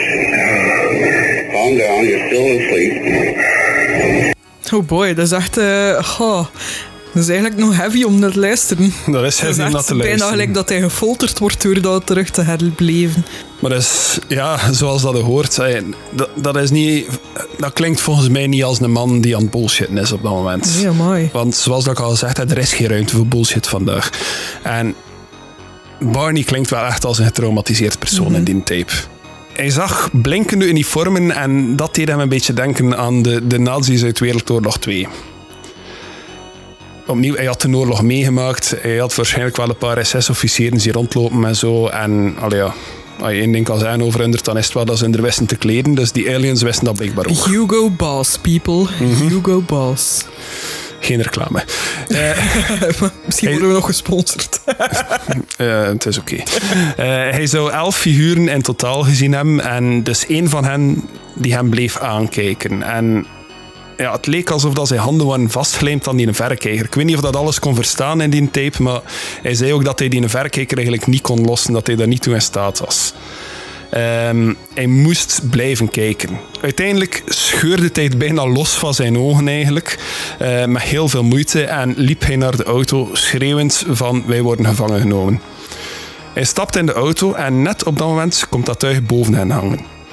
Barney die zet meteen aan en die vertrekt. Betty die zou eh, hier weer eh, tot aan haar schouders door het raam gaan hangen en omhoog kijken, maar ze kon niets zien, zelfs geen sterren. En tijdens de hypnose kwam ze tot het besef van... Tuurlijk kon ik het niet zien, want het bleef, blak, eh, het bleef vlak boven ons hangen. Dat was geen donkere hemel dat ik zag, dat was de onderkant van dat tuig dat ik zag. Ze horen gebiep en gezoem en dat is waar dat oorspronkelijk hun herinneringen heel vaag werden. En ook tijdens de hypnose zijn de herinneringen hierna veel moeilijker toegankelijk. Ze nemen ergens een afslag, ze zien daar een wegblokkade en hier zien ze dus de, de wegenwerkers die hen doen stoppen. Nu, ik weet niet hoe vaak dat heel wegenwerkers zijn tegengekomen, zo iets na middernacht. Eh, zelden. Ja, voilà. Zeker niet in the middle of nowhere in een bos. Hun volgende echte herinnering was dus terug op de baan na een tweede reeks gezoem en gebiep. En dat ze al terug op, op weg waren naar huis eigenlijk. Tijdens verdere hypnose werd er dus dieper ingaan op het verloren stuk daartussen. De wegenwerkers die hen deden stoppen leken alsmaar minder op wegenwerkers hoe meer dat herhaald werd eigenlijk. Het was alsof dat er een vervormde, aangepaste herinnering terug naar de realiteit begon te komen. Het waren ja, de eerder beschreven mannen met de grijze huid en zo. Maar met zwarte blinkende vestje aan. Ja, zoiets. Nee, ze hadden wel in de blinkende eh, zwarte vestjes aan. En iets zei hen dat ze rustig moeten blijven en dat er hen niet zou overkomen. Nu, Dr. Simon suggereerde dat die mannen deel van een droom waren, omdat je geen wegenwerkers ontmoet midden in de nacht. Maar Barney hield vol, ze waren echt. Er waren daar mannen. Ook Betty vertelde over die mannen en ze zei: Onze auto die stopte plots vanzelf. Barney probeerde nog om terug te starten, maar er gebeurde gewoon niets. De mannen verdeelden zich in twee groepen en ze benaderden elke kant. Nu, Barney, ja, ik zeg, die probeert de wagen terug te starten, er gebeurt niets. Betty, die wil instinctief weglopen, maar nog voordat ze haar deur kan opendoen, staan ze er eigenlijk al met drie aan haar deur en nog één iemand die op de achtergrond blijft wachten. Barney hij dacht wel aan het geweer dat hij had, maar hij durfde het niet te grijpen. En uit schrik dat ze vijandig zouden worden en dat er iets ergs zou gebeuren met hen. Dus hij laat dat geweer liggen. Delcy blijft in de auto. Barney die wordt uit de auto gehoffen en hij verloor, hij verloor precies alle controle. Ehm, hij werd meegedragen door twee van die wezens, terwijl dat zijn voeten eigenlijk over de grond sleepten. Denk terug aan de, Ja, aan de de geschaafde schoenen. schoenen. Ja, inderdaad. En ja, in dit deel gaf Barney ook heel verschillende details die Betty niet had. Ik kon nog beschrijven hoe, dat hij, hoe dat hij gedragen werd en zo. Ehm, en daardoor dat ook niet waarschijnlijk lijkt dat dat uit Betty's dromen komt. Net omdat hij hier herinneringen heeft dat Betty nooit beschreven heeft. Betty herinnert zich dat ze plots door het bos aan het wandelen was. Alsof dat er iemand anders de controle had over haar, maar ze was aan het wandelen mee met hen. Ze ziet Barney die meegesleept wordt en ze roept naar hem. Maar hij reageert niet. Maar ze hoort wel een stem in haar hoofd. Oh, is zijn naam Barney? De stem die verzekerde haar dat ze niet bang moest zijn. Ze zouden gewoon een paar tests willen doen. Nu, ze komen aan de craft en dat was ovaalvormig en ze werden er naartoe gebracht. Met de dromen en de hypnosesessies waren er subtiele verschillen. Bijvoorbeeld onder hypnose eh, bleek dat Betty begon tegen te stribbelen toen dat ze naar de ingang van de craft gebracht werd en dat er toen een van die figuren kwaad geworden is op haar. En die droom is die figuur nooit kwaad geworden op haar, bijvoorbeeld. Wat dat ook tekent dat die droom eigenlijk meer een soort verwerkingsmechanisme is dan de hypnose. Allee, dat kan eigenlijk drie dingen betekenen. Oftewel is het echt wat dat Betty onder hypnose vertelt. Oftewel is het trauma, traumaverwerking die herinneringen ombuigt in haar dromen. Oftewel is het confabulatie, zoals ik daarnet zei. Ja. Nu, bij dat verweren onder hypnose herinnert ze zich ook dat haar kleedje een beetje scheurt. Ze zou op een gegeven punt ook onder hypnose gebracht worden in het bijzijn van J. Allen Hynek, die ehm, ja, dus in bijzijn van Dr. Simon detailvragen stelde aan de Hills, ook opnieuw in afzonderlijke kamers. Bijvoorbeeld, welke kleur was de verlichting? Welke geur hing er in dat craft? Wel, eh, wat was de temperatuur ongeveer? Zo zaken dat ze eigenlijk nog nooit over gesproken hadden. Waarschijnlijk zelfs nog niet echt over nagedacht, moesten ze het allemaal aan het verzinnen zijn. En allebei antwoordden ze eigenlijk hetzelfde op die vragen. Hun antwoorden waren, ja, kwamen overeen. Er scheen een blauw licht van binnen. Het was al vrij koud ook binnen. En ze, eh, Betty wordt naar een kamer gebracht en ze ziet dat eens als ze daar binnen is, dat Barney verder gedragen wordt naar een andere kamer. Nu, die kamer waar ze binnen was, dat leek op een soort operatiekamer in een ziekenhuis. Barney vertelde ook hoe dat hij op een harde metalen tafel moest gaan liggen in zijn onderzoekskamer. Zijn schoenen werden afgedaan en zijn broek werd geopend en werd afgedaan. Hij hoort een zoemend geluid En ze draaien hem om en ze plaatsen een dunne metalen buis in zijn rectum. Zo ongeveer de breedte van een potlood. There we go. En daarna gaan ze dat weer uit. En hij valt er ook bij dat hij het niet pijnlijk vond. Ja, wel, want dat vroeg ik mij inderdaad ook al af. Van ze zouden toch dan wel ook iets van fysieke verschijnselen moeten gemerkt hebben. Zo de, de volgende dag of zo. Maar Wacht maar. oké. Dus ja, Barney zegt van, ja, dat deed mij geen pijn. hè. You think that's all I can take? maar ja, er gleed ook een vinger over zijn ruggengraat, alsof dat ze zijn wervels aan het tellen waren. Opnieuw hoort hij gezoem en wordt hij weer omgedraaid. En hij voelt ook wat krasjes op zijn arm, alsof dat ze zo heel lichtjes huid aan het afschrapen zijn. Die onderzoeker die leek vooral interesse te hebben in zijn botten. En ze communiceren naar elkaar onderling, dus de aliens, met oeh geluid. Dat Betty ook omschreef. Eh, Barney kon er niets van verstaan. Betty hoorde dat geluid, hoorde in haar eigen taal, maar hoorde tegelijk ook een Engelse vertaling ervan. Zij kon wel communiceren met hem. Oké. Wat dat heel raar was. Alsof dat ze een babbelvision al in haar oor had uit de Hitchhiker's Guide to the Galaxy eigenlijk. Nu, er was één figuur die Betty beschreef als de leider. En die communiceerde constant rechtstreeks met haar.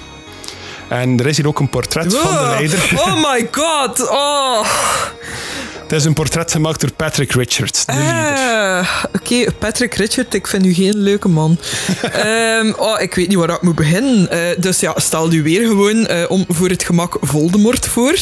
Ehm, maar met eh, veel grotere ogen. Allee, het zijn nog altijd zo spleetogen, zo reptielachtige spleetogen, maar ja, twee, drie keer zo groot. En, en zo een heel klein mondje. Ah, maar ja, maar al die foto's, als je dat zo voor de eerste keer in your face ziet, is dat wel even zo van wow. Ja, dat is geen bullshit, hè. Ik kan geloven waarom dat Betty en Barney eh, PTSS hadden. Hè? Mooi. Ja, inderdaad.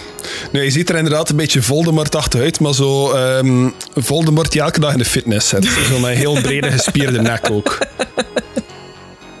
Voldemort met een basic fit abonnementje. Nu, Barney die voelt ook dat er iets op zijn genitaliën gezet werd en hij voelde dat precies zuigen eraan. Hij zei One dat... can say genitaliën. genitaliën. hij, hij zei ook dat, eh, dat ze volgens hem een spermastaal hebben afgenomen, maar dat hij geen ejaculatie gevoeld heeft. en je vroeg het daarnet al van, je zou denken dat er achteraf fysieke gevolgen zou zijn. Ja. De plaats dat dat geplaatst is geweest, is Barney een heel vreemde cirkel aan vratjes beginnen krijgen op zijn genitaliën. Hij zou die uiteindelijk zelfs chirurgisch moeten verwijderen. Op een van die hypnosetapes is er ook te horen hoe dat Dr. Simon die plek doorzoekt en daar effectief een cirkel van littekens vindt. Yikes. Nu, die vratjes, dokters wisten ook niet wat dat ze waren, maar hij zou ze eigenlijk puur voor het cosmetische verwijderen. Het is niet dat er, eh, dat er echt een gevaar was of zo, maar puur cosmetically had hij ze laten wegdoen. Eh, Betty zou ook iets soortgelijks meemaken, behalve de onderzoeken onder de gordel. Zij is niet geprobed geweest of zo, zegt ze. Eh, wel werd er dus een EEG afgenomen van haar en werd er een lange naald in haar buik gebracht. En werd er daarbij gezegd dat dat een zwangerschapstest was. Ze brulde van de pijn, maar de leider moest zijn hand voor haar gezicht gehouden hebben en haar pijn verdween volledig. Ze herinnert zich ook nog een microscoop waarmee dat ze haar huid bestudeerd hebben en dat ze nagels en haar geknipt hebben. Eh, dit is nog een figuur die erbij aanwezig was, eh, de supervisor, een eh, schilderij van Patrick Richards. Oh, Patrick Richard, you're one fucked up man.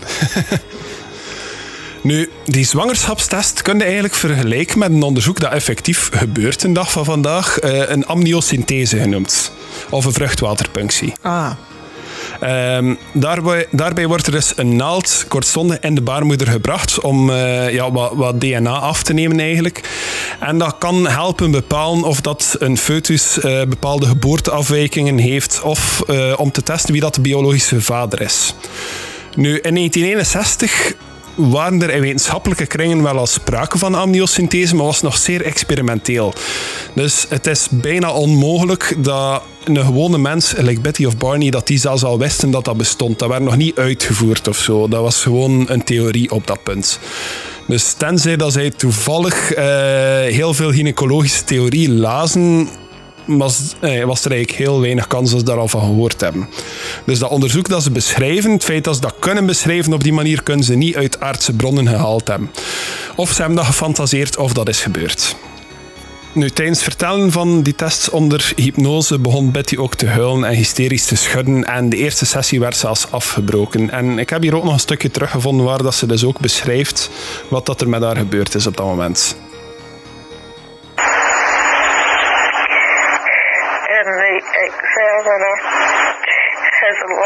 Needle in his hand. And I see the needle. And it, it's, it's bigger than any needle I've ever seen. And he, I asked him what he's going to do with it. And he said just a simple test to me. And I asked him why. And he said he just wants to put it in my navel. Oh, it's just a simple test. And I told him, no, it will hurt. Don't do it. Don't do it. And he said, no, it won't hurt. And he sticks a needle into my. And said,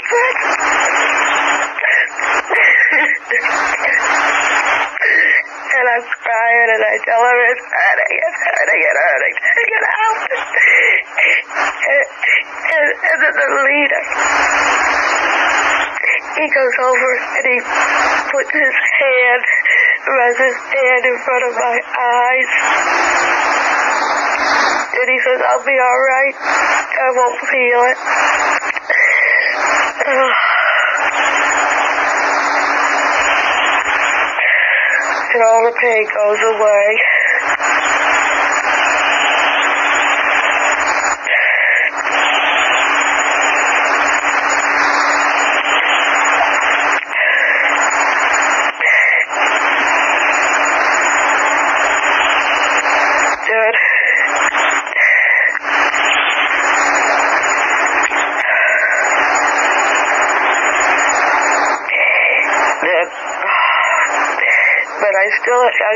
The pain goes away, but I'm still sore from where they put that, these, I don't know why they put that long needle in my navel.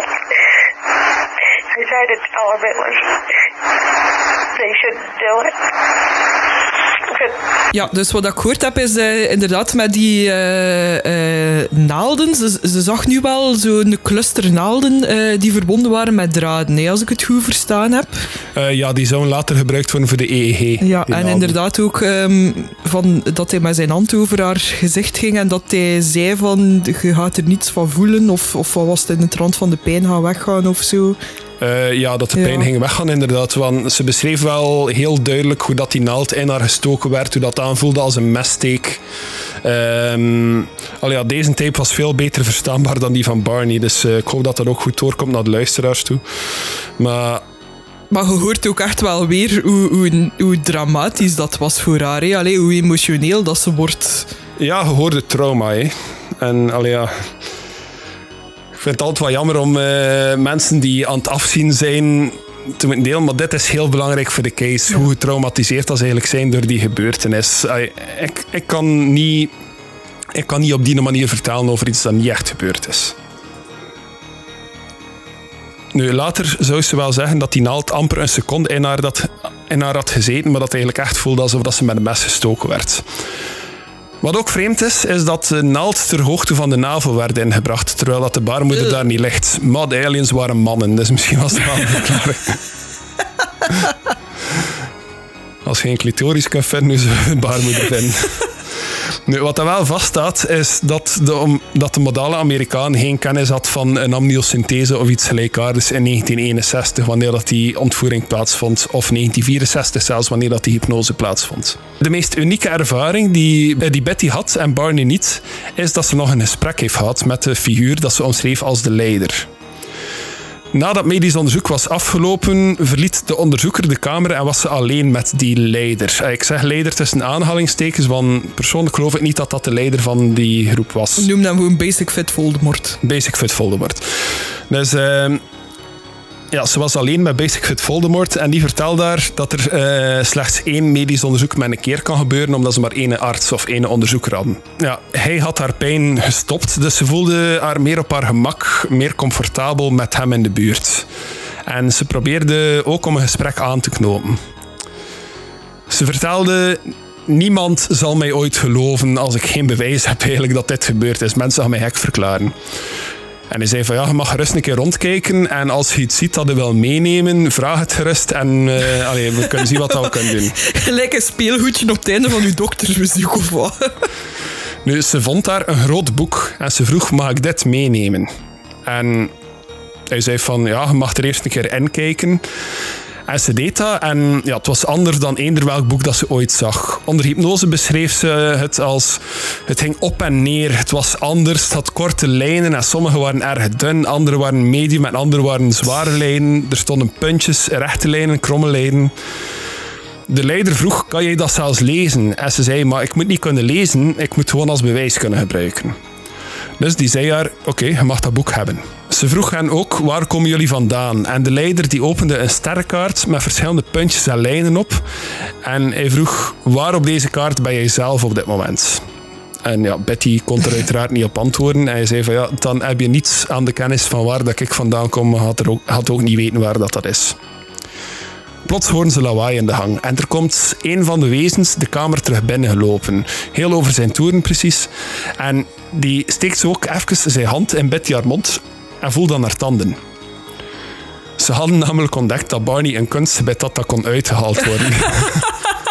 en ze waren daar enorm enthousiast over. Betty zou hen ook moeten uitleggen hoe dat, dat kon. Oh, ik zie hen daar alles zo met dat kunstgebed rondlopen. Zo. Ze hadden dus geen concept van kleur, uh, maar ook geen concept van tijd. Verouderen, tanden niet uit van al, dat snapten ze allemaal niet. Ik heb hier nog een portret. Oeh, uh, Angry Voldemort. Dat is de leader door David Baker. Dan ziet hij inderdaad een beetje kwader eruit. Ja, ik was meer fan van de, de Patrick uh, Dingsken daar, uh, Voldemort. Die wezens konden dus Engels vertalen, maar ze snapten dus veel concepten niet, zoals dat ik zei. En Betty zei ook van, hey, zaten als kleur en al, ik heb dat heel moeilijk om uit te leggen, maar ik kan jullie wel in contact brengen met heel slimme mensen van ons volk die dat wel kunnen. De leider die verzekerde haar dat hij, dat hij haar zou kunnen vinden, ook al waren er miljarden mensen. En dat hij, uh, dat hij, als het mogelijk was voor zijn mensen, dat hij nog terug contact zou komen opzoeken. En wanneer dat Dr. Simon bij Barney uitzocht wat hij wist over de figuren dat hij onderzocht, eh, die hem onderzochten, werd Barney hysterisch. Hij vergeleek de figuren met nazi's, hij doorstond weer doodsangsten en ja, ook andere wezens in dat schip die werden een beetje omschreven, uh, komt grotendeels uit hypnose. En uh, dat zijn ook de beschrijvingen die gebruikt zijn voor de schilderijen. Maar hadden dus ook schuine ogen die zelfs een stukje lager waren dan die van mensen. Ook wijde kaken, geen sterke kin. Nu, je moet denken, de beschrijving die ik je net gegeven heb, kwam uit de dromen. Dit is de beschrijving uit de hypnose. Dus wijde kaken, geen sterke kin, een groot voorhoofd. Ze vertoonden geen emoties met gemond, zoals dat mensen dat wel doen in hun mond hadden ze dus dat, dat membraan of dat vlies. En dat bewoog als ze ja, in hun zoemende taal eigenlijk tegen elkaar spraken. Hun ogen waren voornamelijk iris eigenlijk. Maar er was een kleine rand die bestond uit wat bij ons oogwit zou zijn. Maar bij hen was dat meer een gele kleur. En ze knipperden ook nooit met hun ogen. De oren die hadden geen vorm, maar eigenlijk enkel haten. Ze hadden geen haar, maar een aluminiumgrijze huid. Weet je op wat dat mij dat meer en meer doet denken? Zeker. Of die marsmannetjes van uh, Strange Planet, van die cartoon. voilà. Long being. Ze hadden ook dunne benen en een brede borstkas met een brede nek en schouders. De neus was breed, plat en klein. En ze hadden een fijne, maar brede spleet als mond. De handen hadden korte, stompe vingers en een duim, maar geen vingernagels. De leider, of toch die dat Betty de leider noemde, uh, Buff Voldemort, was de enige eigenlijk die er een beetje anders uitzag. Met een veel ronder hoofd en wat meer menselijke features. Maar misschien had hij die vorm aangenomen om hem meer op hun gemak te staan of zo, ik weet het niet. Beide Hills omschrijven ook nog een figuur die meer op de achtergrond blijft en die kwaad lijkt te reageren op alles. Dat, die figuur zou later ook Betty's boek weer afnemen. Ze vermoedt dat hij waarschijnlijk de echte leider is en dat de persoon die zij de leider noemde eigenlijk meer een tolk was. Maar dat is opnieuw speculatie. Het was misschien zijn boek. Ja, misschien had hij het nog niet uitgelezen. Betty die werd ook serieus emotioneel telkens dat ze aan die ogen moest denken. Die ogen waren iets heel traumatiserend voor hen allebei. En het leek alsof dat er daar ook een telepathische kracht in zat. Het leek alsof eh, dat ze die ogen in haar gedachten eigenlijk volledig had afgeblokt. Nu, Barney die werd na het onderzoek naar de wagen gebracht en Betty die was nog aan het napraten met de leider. Die hadden blijkbaar redelijk gezellig. Ehm, dus ja, dat boek dat werd weer afgenomen door die figuur. Ehm, maar ze heeft wel achteraf nog een tekening gemaakt van het soort symbolen die in dat boek stonden. Ja, oké, dat, dat ziet er inderdaad uit hoe dat ik mij een alien handschrift zou voorstellen. Ik zie wel ook zo gelijk het, het gedeeld doorteken en het procentteken staan ook. Eh, dus, allee, ja... Ja, er staat precies ook een Starfighter uit Star Wars helemaal van onder. Ja. Maar dat is wel een tekening dat ze eh, aan de datum erop te zien gemaakt heeft in augustus van 2000. Dus dat is al enige jaar na datum, dus ik weet niet hoe correct dat ze nog waren.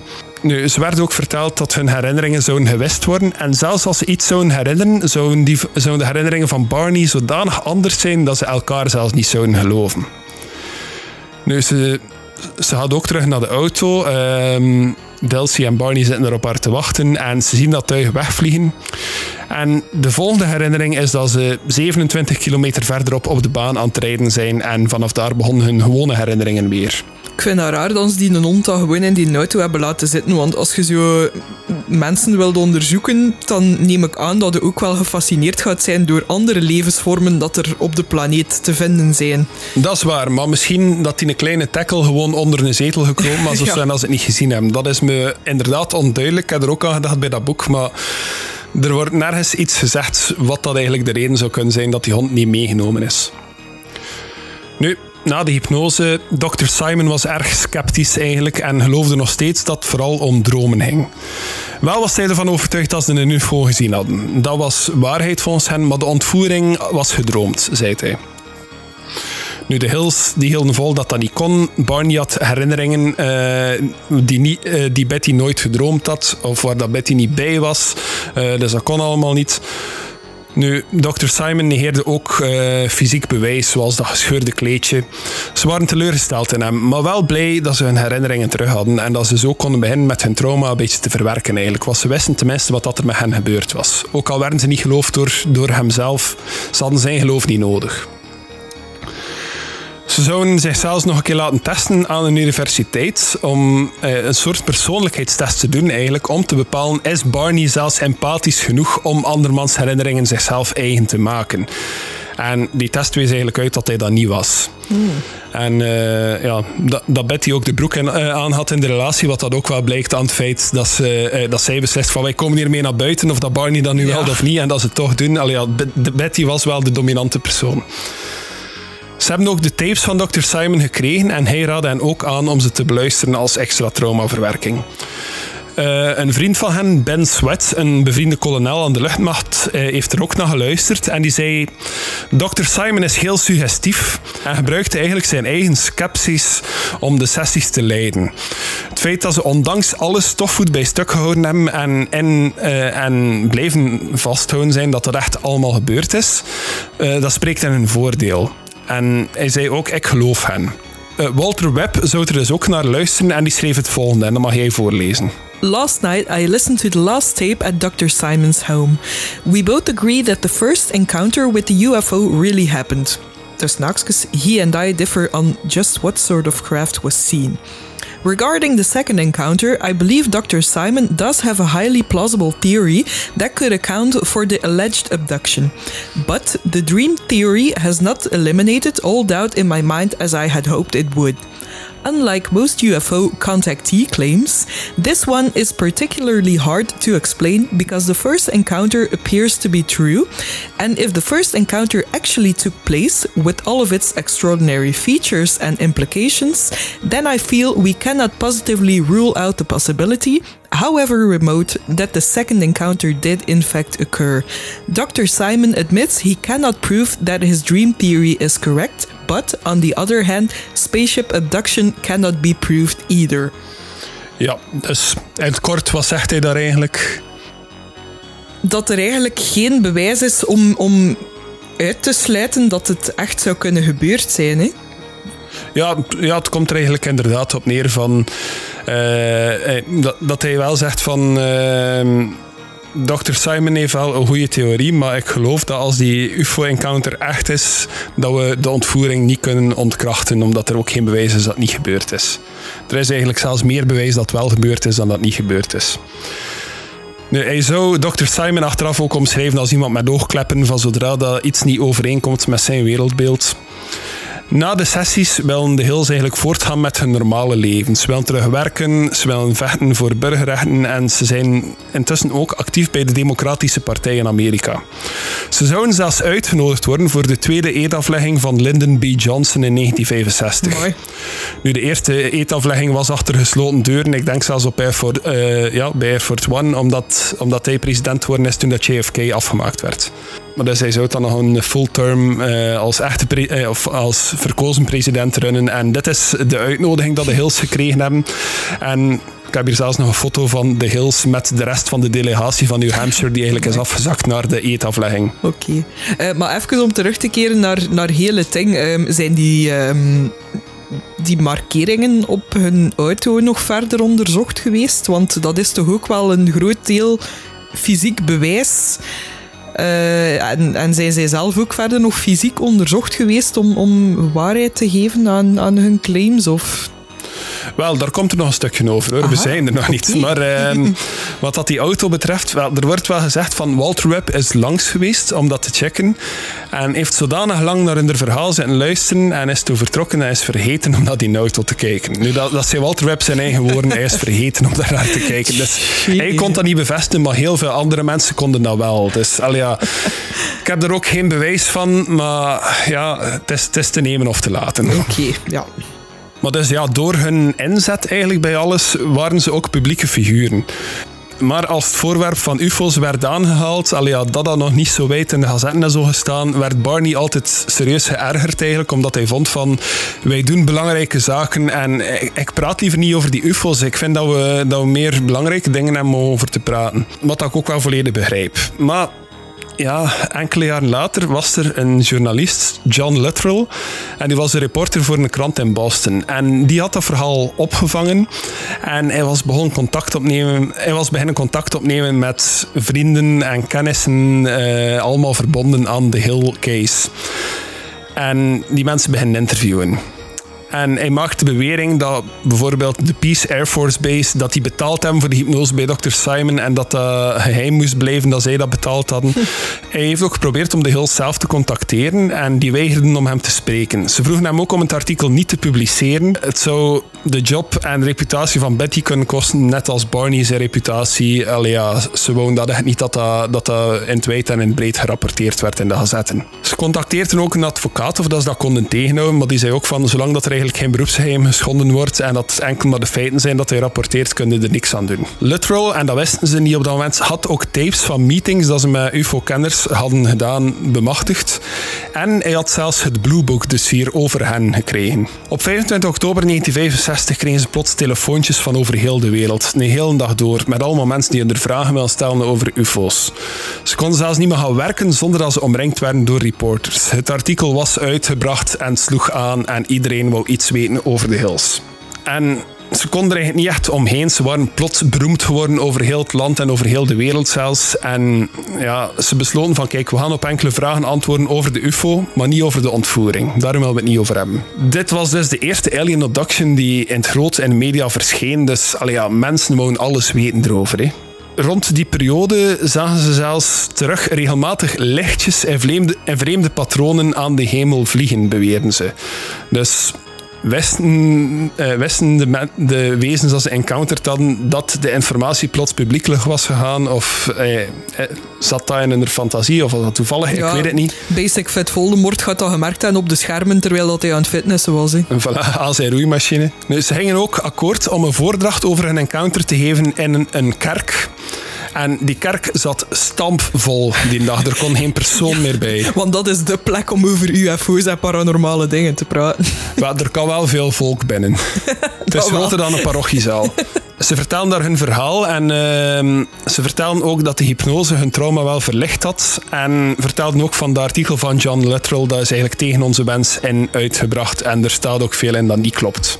Eh, er was daar ook, eh, in het boek stond dat toch een kenmerkend eh, feitje van Barney. Er werd, er werd hem de vraag gesteld door iemand in het publiek van, ben je blij om hier te zijn? En de mensen zagen Betty hem iets toefluisteren en Barney zijn antwoord was, mijn vrouw zegt dat ik moet zeggen van wel. Betty was dus ook de volledige reden dat dat publiekelijk ging. En als van Barney zou afhangen, had hij er nooit een woord over gezegd. Kort daarop werden ze gecontacteerd door een auteur, John Fuller, en die wou een boek schrijven over hen.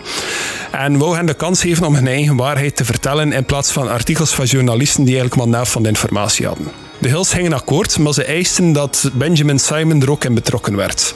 Dat hij ook een deel van de cut zou krijgen en eh, dat zijn tapes ook gebruikt werden voor het boek. Dus ja, Benjamin Simon ging ermee akkoord en dat boek zou uitkomen onder de titel The Interrupted Journey. Fuller heeft zijn best gedaan om dat verhaal zo grondig mogelijk te brengen, maar hij miste wel sommige details, waardoor dat de geloofwaardigheid van Betty en Barney eigenlijk een beetje achteruit ging. Door sommige contradictorische statements die erin stonden, eh, sommige belangrijke zaken die werden weggelaten. Dus ja, het boek verkocht heel goed. Het zou 22 jaar lang een bestseller zijn die overal te krijgen was, tot 1988. Maar had dus niet de volledige waarheid volgens wat dat eh, Captured mij zegt. In 1975 verkochten ze zelfs de filmrechten aan James Earl Jones, Oh. Darth Vader himself.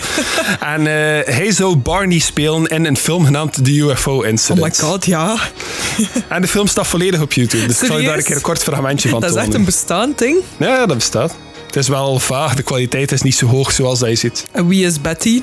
De vrouw. Ja, maar wie speelt Betty? Estelle Parsons speelt eh, Ah Betty ja, Hill. tuurlijk, hè. Onze Estelle. Wauw, oké. Ze, lijkt, ze leek even op jonge Luke Skywalker. Van wanneer is deze? Ah, 1975. pre-Star Wars dus. Twee jaar voor Star Wars, ja. Oh my god, zijn echt die ventjes van Strange Planet. Wauw, oké. Ja, zoals dat ik kan zien, die film is weird as fuck. Wauw. Ik wil daar een drinking game film van maken. Allee, gelukkig is James Earl Jones zijn carrière twee jaar later toch nog gered. Nu, in 1975, hetzelfde jaar dat die film uitkwam eigenlijk, zou Betty deelnemen aan een tv-show, op dat moment de Lie Detector Show. En daar zou ze drie vragen krijgen. Vraag 1 was, kreeg je informatie over de sterrenkaart aan boord van de UFO? Vraag 2 was, kreeg je info van een andere bron dan de UFO? Vraag 3 is, geloof je dat de sterrenkaart een hoax is? Die test werd afgenomen door de president van de Amerikaanse Polygraph Society. En de conclusie, door hem, de conclusie door hem was dat Betty eigenlijk volop de waarheid aan het vertellen was. Na die show zou hij ook tegen haar gezegd hebben dat hij al verschillende mensen geïnterviewd had die beweerden ontvoerd te zijn door UFO's. En dat ze allemaal door de mand gevallen waren, behalve haar. Meneer Paul E. Graff. Sorry. Nu, de Hills waren op dat punt wel echt de beroemdheden. Ze werden constant geïnterviewd, kwamen in talkshows. En Barney ging elke kans aan om over ja, social justice te praten eigenlijk. En de UFO's was bijzaak voor hem.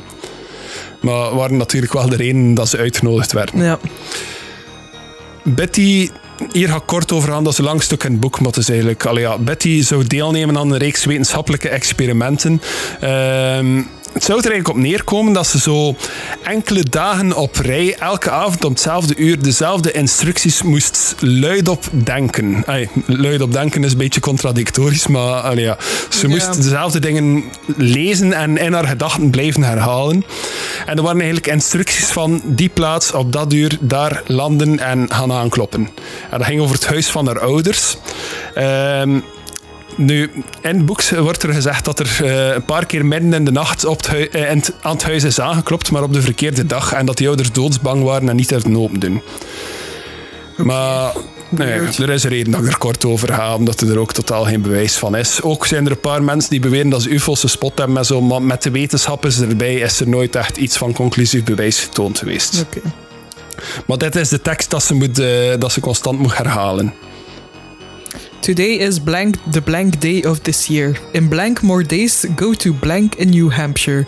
Best science men are there. Show lights to science men. Come close to science men. All is safe.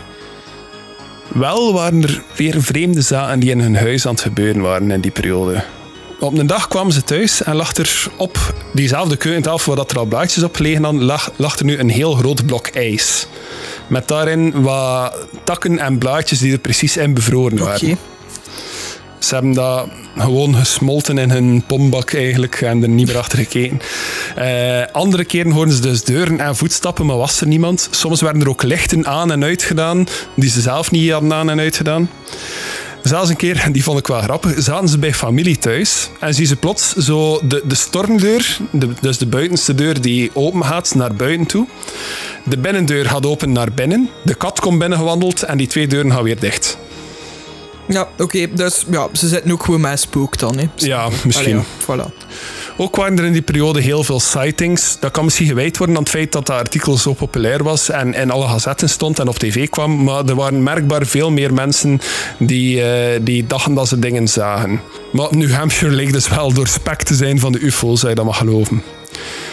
Betty zou ook regelmatig afspreken met mensen die beweren UFO's te zien, om dan samen met hen op onderzoek te gaan. Uiteindelijk zouden er tientallen of zelfs honderden verhalen eh, zijn van mensen die samen met Betty UFO's gezien hebben.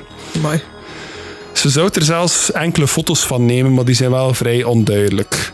Ja, dat, dat zijn lichtjes, hè. Ja, dat ziet er een craft uit. En Eh, ik weet dat... Wat is dit? maar ja, het ziet er zoiets schijfvormig uit, maar eh, of dat zelfs in de lucht aan het vliegen is of zo, het is heel donker, het is heel moeilijk te zeggen. Het zijn foto's van in de jaren 60. En dit lijkt op een vuurbal, oftewel gewoon een radioactieve kers of zo dat ze gefotografeerd ja. heeft. En dit is haar met dat onderzoeksteam, eh, waar dat Dit is Betty en de aliens. allemaal op kampeerstoeltjes. maar dat was eh, Skywatch, eh, Skywatch 1967. Betty met een team wetenschappers in een experiment dat eigenlijk zou mislukken met die gedachten dat ze moest uitsturen.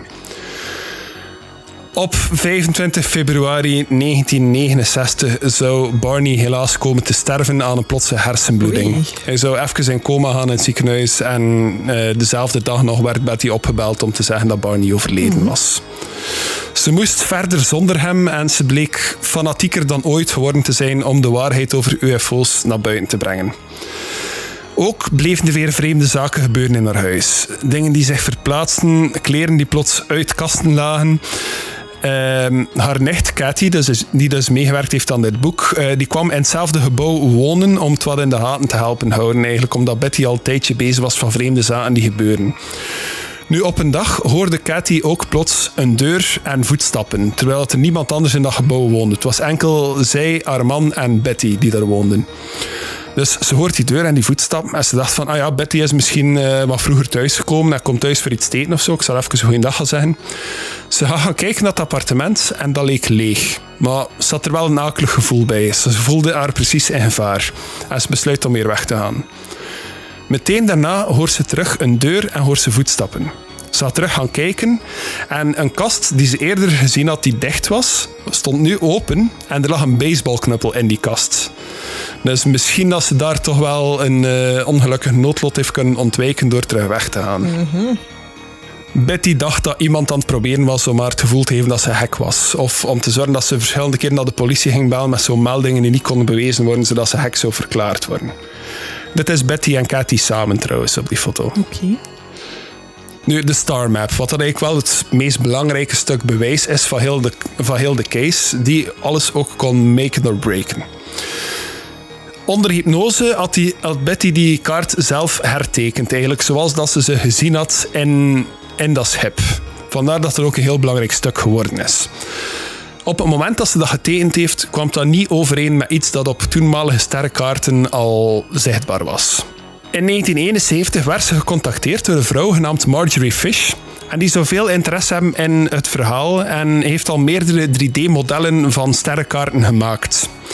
En Marjorie Fish bood daaraan van kijk, ik wil jouw sterrenkaart, ik wil uitzoeken waar dat, dat staat, ik wil daar een 3D-model van maken. Eh, hier zie je een 3D-model uh, dat uh, Marjorie Fish zelf gemaakt heeft. En volgens wat dat er daarover gezegd werd, waren die eigenlijk wel highly accurate. Was er echt tot in de details eigenlijk juist met wat dat er op sterrenkaarten stond. Ja, maar de basis daarvan moet al komen van een herinnering onder hypnose van Betty. Allee. Nu, de, deze sterrenkaarten zijn gewoon modellen dat zij al gemaakt had. Dat is niet ah, Betty haar sterrenkaart. Ah, oké. Excuseer. Er, uh, er, stonden 16 sterren op de kaart die Betty tekende. Had hij straks ook zien. Uh, maar uh, er zijn... Of er waren vanaf dat punt eigenlijk zo'n duizendtal sterren dat je vanaf de aarde kon zien in het heelal. Dus het was geen simpele opdracht om die een exacte cluster te vinden. En Marjorie dacht zelfs van er gaan verschillende dingen zijn die zodanig op elkaar lijken. Maar ze vond eigenlijk op geen enkele sterrenkaart uit die periode vond ze diezelfde sterrencluster terug. Of iets dat erop leek zelfs. Uiteindelijk zou het wel lukken. En de enige reden dat dat lukte is omdat er een gloednieuwe sterrencatalogus uitgebracht werd. Omdat er ook net sterkere telescopen bestonden. Dus er was een heel nieuwe catalogus uitgebracht. En daarin vond ze exact de cluster die Betty getekend had.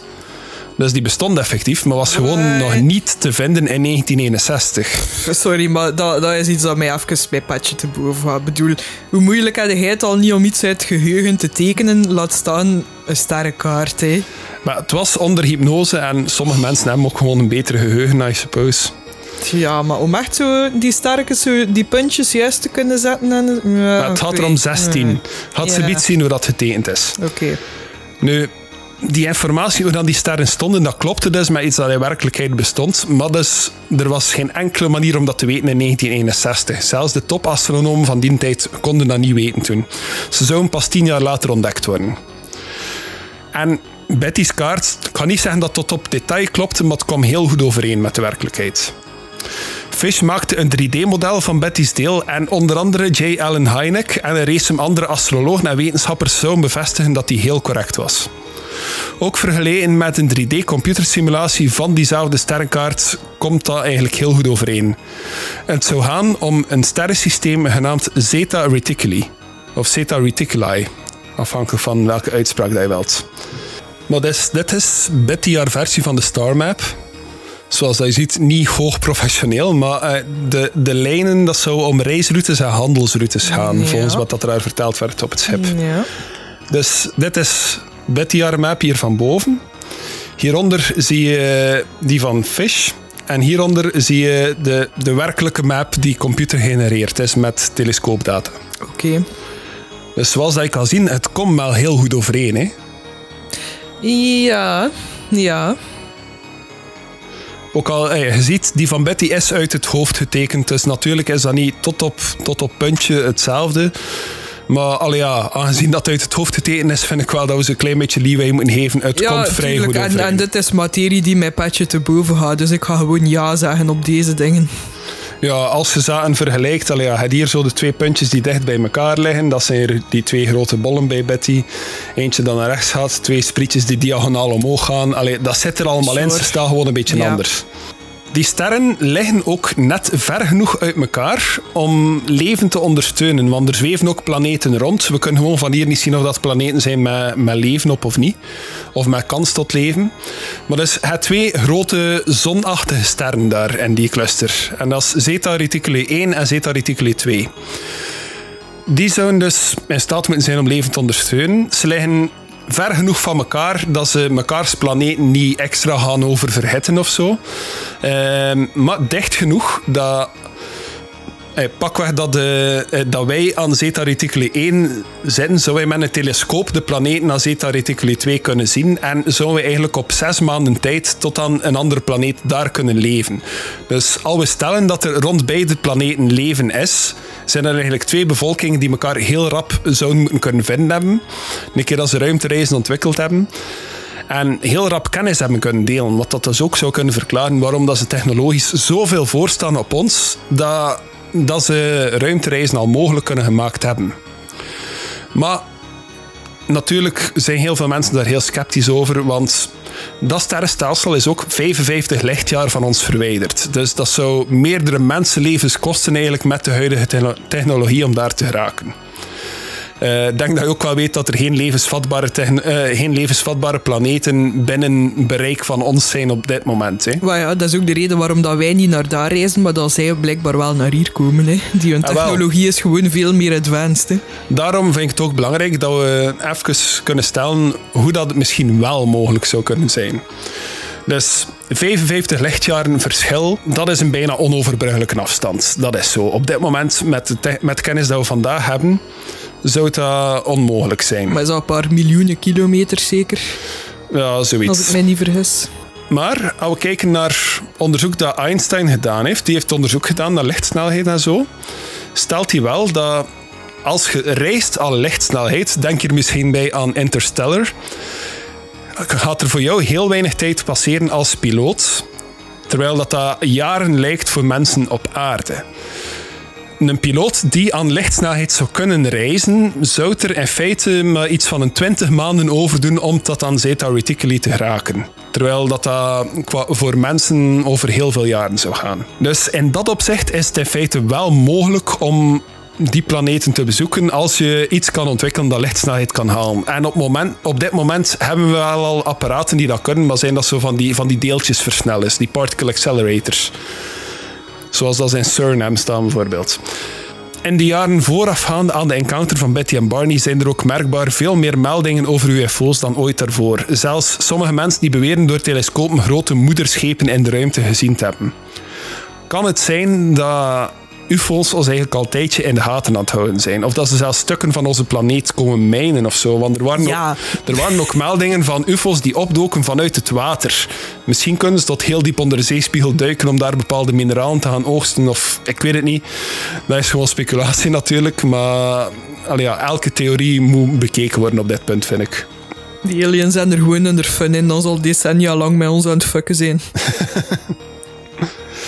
Wat dat ze natuurlijk wel zien, is dat wij een in hun ogen waarschijnlijk vrij primitief, nog steeds oorlogvoerend eh, ras zijn. En een keer dat wij met atoombommen zijn beginnen spelen, eh, dachten ze misschien dat tijd was om een keer te komen kijken en misschien in te grijpen. Wie weet is dat zelfs de reden dat ze spermastalen afnemen tijdens, eh, tijdens bezoeken hier. Zodat ze misschien ons ras nog kunnen redden op hun planeet wanneer dat wij onoverkomelijk onze wereld gaan verwoesten. Want dat zag er wel even uit in die tijd. En ik denk dat het vandaag er nog steeds zo uitziet.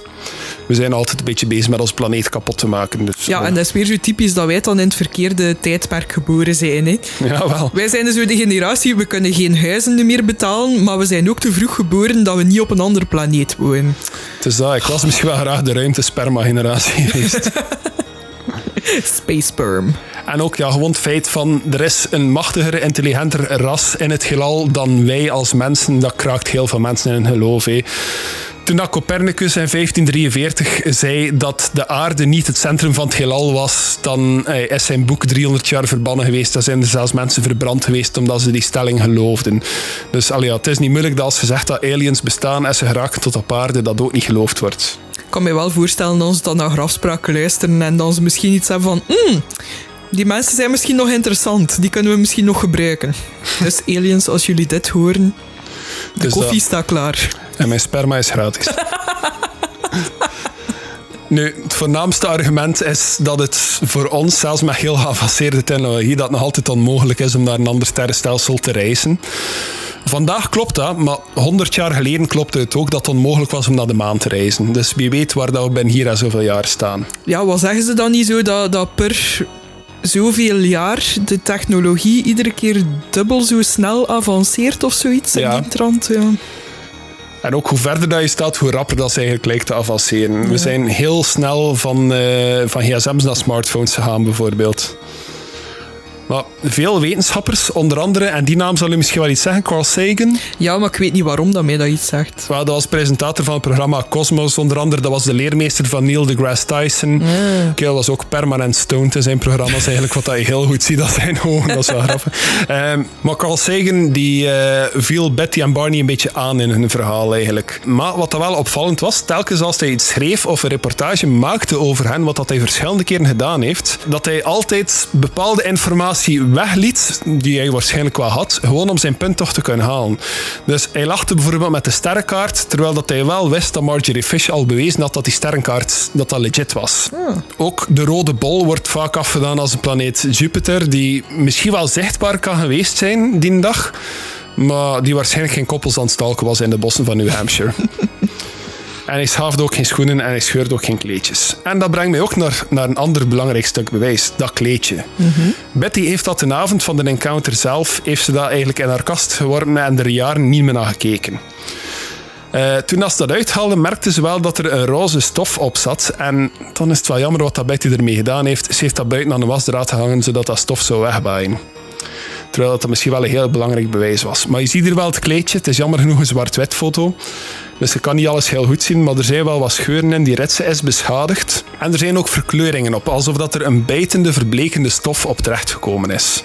Nu zat dat kleedje zat dat nog nooit aangehad voor die reis eigenlijk. Eh, er werden analyses gedaan van stukjes stof en er zaten daar bepaalde zeldzame elementen op. Elementen die niet zomaar kan oplopen in een auto of in een bos. Daarnaast werd er ook een test gedaan waar dat er een gewoon stukje stof genomen werd en een verkleurd stukje stof. En die werden allebei in apart water gelegd. En dat water werd gebruikt om planten mee te wateren. Wat dat opviel was het water waar dat het verkleurde stukje, dus het beschadigde stukje, had ingezeten, dat die plant veel sneller groeide dan het gewone stukje. En dat is meerdere keren getest geweest en meerdere keren hetzelfde resultaat. In 2011 werd er met nieuwe technologie opnieuw onderzoek gedaan op een stukje van de jurk. Eh, en die onderzoekers vonden drie stoffen: selenium, tellurium en rhodium terug. Nu, selenium is een heftig element dat in verf in de jaren 50 zat.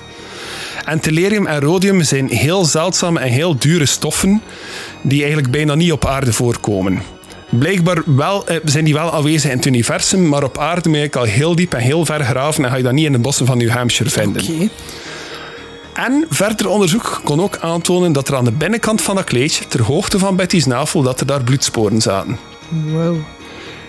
In de archieven van de American Philosophical Society vond Cathy ook nog correspondentie tussen Donald Menzel, een astrofysicus, Edward Condon, een fysicus, Carl Sagan, die ik al vernoemd heb, en Philip Klaas, een auteur van een magazine over alles met de ruimte, die daarin ook spraken over een groep met de bedoeling de credibiliteit van UFO-getuigen aan te vallen, die actief moet geweest zijn in die periode. En dat zij vermoedt dat zij eigenlijk Betty en Barney hebben willen eh, ondermijnen.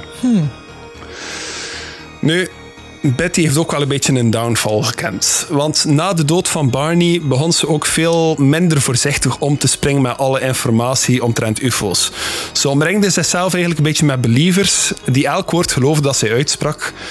Maar ook omgekeerd. Betty leek soms constant UFO's te zien. Ze sprak soms zelfs over een hele cluster UFO's die boven New Hampshire aan het, eh, aan het rondvliegen was. Elk bewegend lichtje aan de hemel was een UFO. En iedereen die zelfs nog maar met anekdotisch bewijs afkwam van ah ja, ik heb een UFO gezien, werd direct geloofd eigenlijk. Betty toch? Nu, het zou een paar jaar later ook wel aankomen dat ze al een hele tijd met een hersentumor rondliep. Dus dat kan misschien wel de verklaring geweest zijn daarvoor. Ze gaf dat ook weer in haar lezingen en dat leidde er ook toe dat de UFO-community zich een beetje tegen haar gekeerd heeft en dat al haar geloofwaardigheid eigenlijk de vuilbak in ging. Oh nee, dat is echt zo'n tragisch verhaal aan het worden. John Fuller, de auteur van The Interrupted Journey, zou ook zeggen van ons boek zou nooit zo goed verkocht hebben en gelezen zijn als we niet zo voorzichtig waren geweest met feiten te melden. Het is belangrijk dat, enkel het feit, eh, dat, je, dat je beseft dat enkel het feit dat jij het gelooft niet voldoende is om iets geloofwaardig te maken naar de buitenwereld. Dat stond in een brief die hij aan haar geschreven heeft, maar ze zou dat volledig negeren en ze zou alles, alles, alles rapporteren in het geloof dat ze aan bijdragen was aan de wetenschappelijke community. Wat dat ze wel nog altijd deed, was als emotionele steun dienen voor getuigen en ontvoerde mensen die zelf getraumatiseerd werden. Ze zou ehm, ook bijvoorbeeld een vrouw, eh, Lydia genaamd, op een gelijkaardige wijze ge- ontvoerd en getest geweest zijn als Betty. En Betty stelde daar enkele vragen over details dat ze eigenlijk nooit ergens had gemeld aan andere mensen. En Lydia kon op alles eigenlijk eh, reageren met informatie die eigenlijk enkel Betty wist. En daardoor geloofde ze dat Lydia door hetzelfde soort wezens ontvoerd was geweest was als zij. Vele getuigen van onderzoeken werden ook bezocht door mannen in zwarte pakken, die aan het zwijgen kwamen opleggen. Dus we doen even een callback. Ik heb dit er net al een keer benoemd, maar eh, de Men in Black zitten ook effectief in dit verhaal. Een van die voorvallen kwam door een dokter H. Zijn volle naam wordt nergens vernoemd. Eh, maar die had een patiënt gehad die getuigde over een ontvoering. En die dokter die zei, ehm, mijn familie was op een avond allemaal weg naar de film. En rond acht uur s'avonds ging de telefoon af. En een man aan de lijn zei dat hij de vicepresident was van een UFO-onderzoekgroep en die wou hem spreken. En die dokter zei van, oké, ik heb nu anders wel even tijd. Dit is mijn adres, kom mij gerust bezoeken. Hij legt de telefoon toe en hij, hij ging zijn portflight gaan aansteken om aan te geven van, hé, ik ben thuis. En wanneer dat hij zijn deur open doet om aan die portflight te komen, staat er daar al een man voor hem. Die beweerde de man van de telefoon te zijn. Nu, dit gaat letterlijk over nog geen minuut tussen. Hè, en er waren nog geen gsm's in die tijd. Dus ja, hij nodigt die man binnen bij hem uit. En die man ging gaan zitten in de zetel. En eerst en vooral bevestigt die man van... Je hebt hypnose gedaan bij een ufo-getuige. En je hebt daar tapes van. En die dokter zei, ja, dat klopt. Hè. Hij kon ook exact zeggen aan die dokter van... Je hebt zoveel geld op zak op dit moment. En iets daarvan is een muntstuk. Hij zei tegen die dokter, haal dat muntstuk nu uit en kijk ernaar. Die dokter deed dat. Hij keek naar dat muntstuk en hij ziet hoe dat, dat van een brons naar een, zilver, naar een zilverkleur verandert. Daarna blauw wordt en toen gewoon verdween uit zijn eigen hand. En de dokter zei van oké, dat is eh, een mooie truc, maar ik zou graag mijn geld terug hebben. En dat- die man zei tegen hem, niemand op deze planeet zal dat muntstuk ooit nog terugzien. Daarna vroeg hij aan die man, weet je hoe dat Barney Hill gestorven is? Die dokter zei aan een hartaanval. En de man zei, correct, we hebben zijn hart genomen, net, wa- net als we jouw munt genomen hebben. What? Barney wist te veel. Nu, dat klopt niet, want Barney is gestorven aan een hersenbloeding en niet aan een hartaanval. Dus ik weet niet waar dat het hart- de hartaanval vandaan komt, maar toen zei hij dat de dokter al zijn bewijsmateriaal moest wegdoen en de ufo's vergeten. Uiteindelijk zei hij, my energies are low, I must leave. Dat is wat ik zeg op elke vijf. En hij liep al strompelend naar de deur. De dokter keek door het raam om hem te zien vertrekken, maar hij zag geen wagen. Enkel gewoon een witte my flits God. om de hoek. En het wezen was weg. Nu, hij zou dat wezen nog fysiek kunnen omschrijven. Maar denk dat hij dat zelf ook al kan op dit punt. Oh my god. Het wezen was zwart gekleed, had een fedora, had zwarte handschoenen aan. Tuurlijk, tuurlijk. Onder die hoed was hij kaal. Ja. Zijn ogen waren normaal, maar hij had geen wenkbrauwen of wimpers of ander gezichtshaar. Hij was bleek, hij had kleine oren, een dunne mond waar dat er een rode lipstick aan hing. zijn neus was als een kleine bubbel. En zijn kleren leken ook veel te groot zijn. Hij had een erg monotone stem in perfect Engels zonder nuances van woorden. En die dokter zou uit schrik effectief al zijn bewijs verbranden. Oh my god. Betty zou zichzelf uiteindelijk distancieren van de UFO-community. Ze zei dat er te veel vertroebeling was en dat, dat het moeilijk was om de waarheid nog te zien. Dat er heel veel fake getuigenissen naar boven kwamen en dat er veel ontvoeringen eigenlijk gewoon psychoses waren. Ze zei, ik heb al honderden cases voorgelegd gekregen en er zijn er misschien negen tussen waarvan ik echt geloof dat ze waar gebeurd zijn. Terwijl dat ze een paar jaar ervoor nog eigenlijk alles geloofde. Betty ontwikkelde dus uiteindelijk die hersentumor, zoals ik al zei, en ze zou in haar huis sterven. Maar kort voor haar overlijden gebeurde er ook nog iets vreemds in haar huis. Betty was op dat punt verlamd aan armen en benen eh, en kon eigenlijk enkel nog rechtop zittend slapen, ehm, omdat de, haar tumor haar enorm veel pijn deed als ze ging neerliggen. Dus ze sliep eigenlijk rechtop zittend in een zetel. En haar dochter sliep in de kamer ernaast met de deur open in een bed, zodat ze wel altijd zicht had op haar moeder. Op een dag wordt die dochter een uur en een half later wakker dan gewoonlijk. En ze was zo'n beetje geschrokken. En ze gaan naar haar moeder gaan kijken. En haar moeder had eigenlijk altijd eh, een brace rond haar arm aan. Zo een, ja, eigenlijk een steunverband dat er rondgewikkeld zat. Met dan nog een keer eh, ja, zo echt een brace rond de nek. Ze komt in de living en ze ziet dat die brace daar meters verder op de grond ligt. Nog perfect gewikkeld, alsof dat hij gewoon van haar arm was gedaan zonder hem eerst los te draaien. Iets dat Betty onmogelijk nog zelf kon doen, want ze was grotendeels verlamd op dat punt. En ook de achterdeur stond open, terwijl ze zeker was dat ze die met een boltlock gesloten had. Maar vanaf die dag had Betty wel terug meer energie. Ze kon terug meer babbelen, ze was helderder in haar hoofd. Dat was helaas wel maar van korte duur, want vier maanden later zou ze sterven. En ze werd uiteindelijk begraven naast Barney. Ze was eh, tijdens de begrafenis was er daar enorm veel volk. Was ze omringd door geliefden, door familie en heel veel aanbiddende fans, nog altijd, die haar gesteund hebben tot op het laatste. Ik weet dat het een lange was, maar dat was het verhaal van Betty en Barney Hill, maar- kort oh. samengevat. Oh, zo'n tragisch verhaal eigenlijk, zeg. Het heeft een heel, heel tragisch einde. Ja. Oh my Ah, Het begint God. eigenlijk al met een heel traumatiserende gebeurtenis. En ze zouden ook nooit echt volop geloofd Oh. worden. Oh boy. Maar- Vandaar dat ik hier eigenlijk heel veel tijd in research heb proberen steken, omdat het ook wel een verhaal is dat vertellen waard is. En ik wou het ook eer kunnen aandoen, want er zijn al zoveel foute, te beknopte versies van het verhaal verteld eigenlijk, die heel veel van de belangrijke details achterwege laten. Ik heb er nu ook heel veel achterwege moeten laten, maar ik hoop dat ik je toch de essentie een beetje heb kunnen meegeven. Maar nu ga ik naar u luisteren. Wat vond je er zelf van? Wauw. Eh, there's a lot to unpack hier.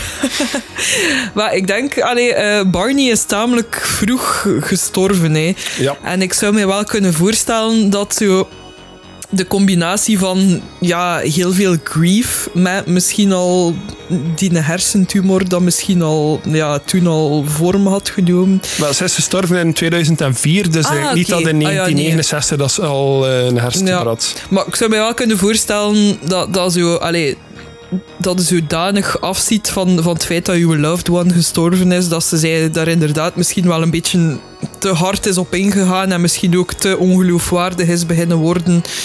Misschien puur voor haar als een manier om zo een beetje te ontsnappen ook aan, aan de pijn en aan het verdriet en zo. Ja, Betty haar geloofwaardigheid de latere jaren was, Ja. allee, ja, Ja. was niet heel, maar, Maar- de encounter zelf. Ah, wel, ja, ik moet eerlijk gezegd wel zeggen, allee, ik, ik, ik zou nog geneigd zijn om dat te geloven hoor. Ja, het is inderdaad... Het, het is een heel ruime case, hè, maar... Laten we eens beginnen bij het begin. De, de UFO-encounter. Het feit dat ze daar dat schip hebben zien vliegen en dat de hen aan het volgen was. Dat is vrij gedetailleerd weergegeven geweest. Ehm, ze, ze hebben daar effectief heel veel details over kunnen geven. En ik moet ook zeggen, in, in dat boek staan er ook heel veel cases van mensen die eigenlijk soortgelijke schepen hebben gezien. En waren er die avond... eh, er was wel op die luchtmachtbasis was er eh, op radar iets gezien geweest. En er waren geloof ik elf verschillende getuigen die ook iets gelijkaardig konden beschrijven dat die aan het rondvliegen was. Ja, ik zeg het sowieso ook. Ehm, ja, nu ook omdat ik zelf ook een boek van eh, Joseph Allen Hynek aan het lezen ben. Ja, het lijken mij allemaal heel erg plausibele dingen. En ah, ik, ik ben echt geneigd om, om, de, om die melding te geloven hoor. Allee, deels ook in die tijd, eh, zoals dat ik al zei, van ja, je hebt heel veel te verliezen door daarmee naar buiten te komen. Eh, dus hebben zij denk ik in mijn ogen al heel veel chance gehad dan zij zo in hogere kringen zijn terechtgekomen. Maar ik denk dat in die tijd het risico te groot was om te nemen. Ehm, Ja, zeker. Het, het kan eigenlijk niet genoeg gezegd worden, maar als interraciaal koppel was dat ook geen evidentie Ja. om één serieus genomen te worden in de eerste plaats.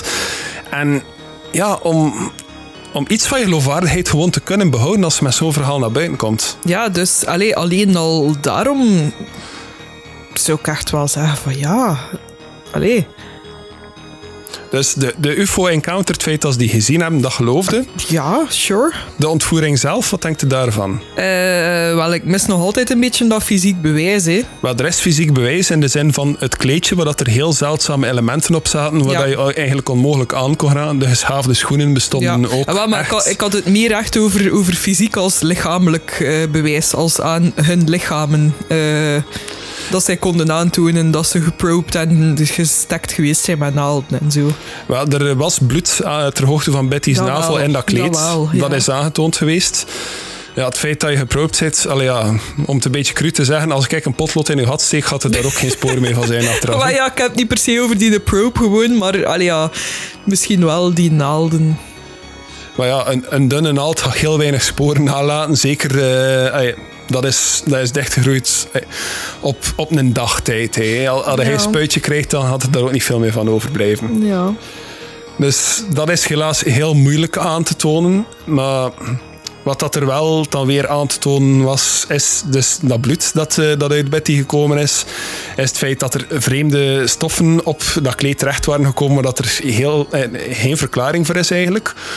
Ook eh, de plaats waar dat ze, eh, die ze uiteindelijk gevonden hebben, waar dat die UFO geland is, waren er ook heel veel omgebogen en verbrande boompjes te vinden en zo. Dat heb ik nog niet vermeld. De hond die ziek werd, de genitale vratten die Barney is beginnen krijgen op de plaats dat ze dat spermastaal hebben afgenomen van hem.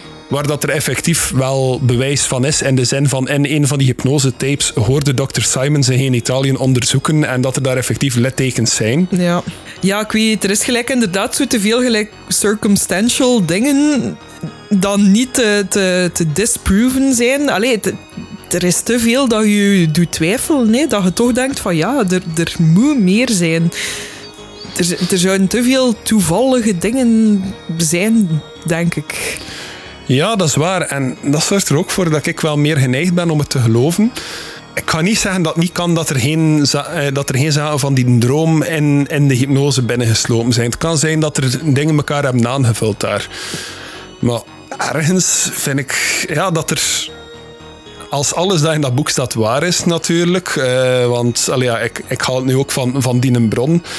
Ehm, Ik denk dat er evenveel bronnen zijn die zeggen dat alles bullshit is. En eh, je kent mij, ik ben tegen bullshit. Ik wil absoluut geen in mijn aflevering.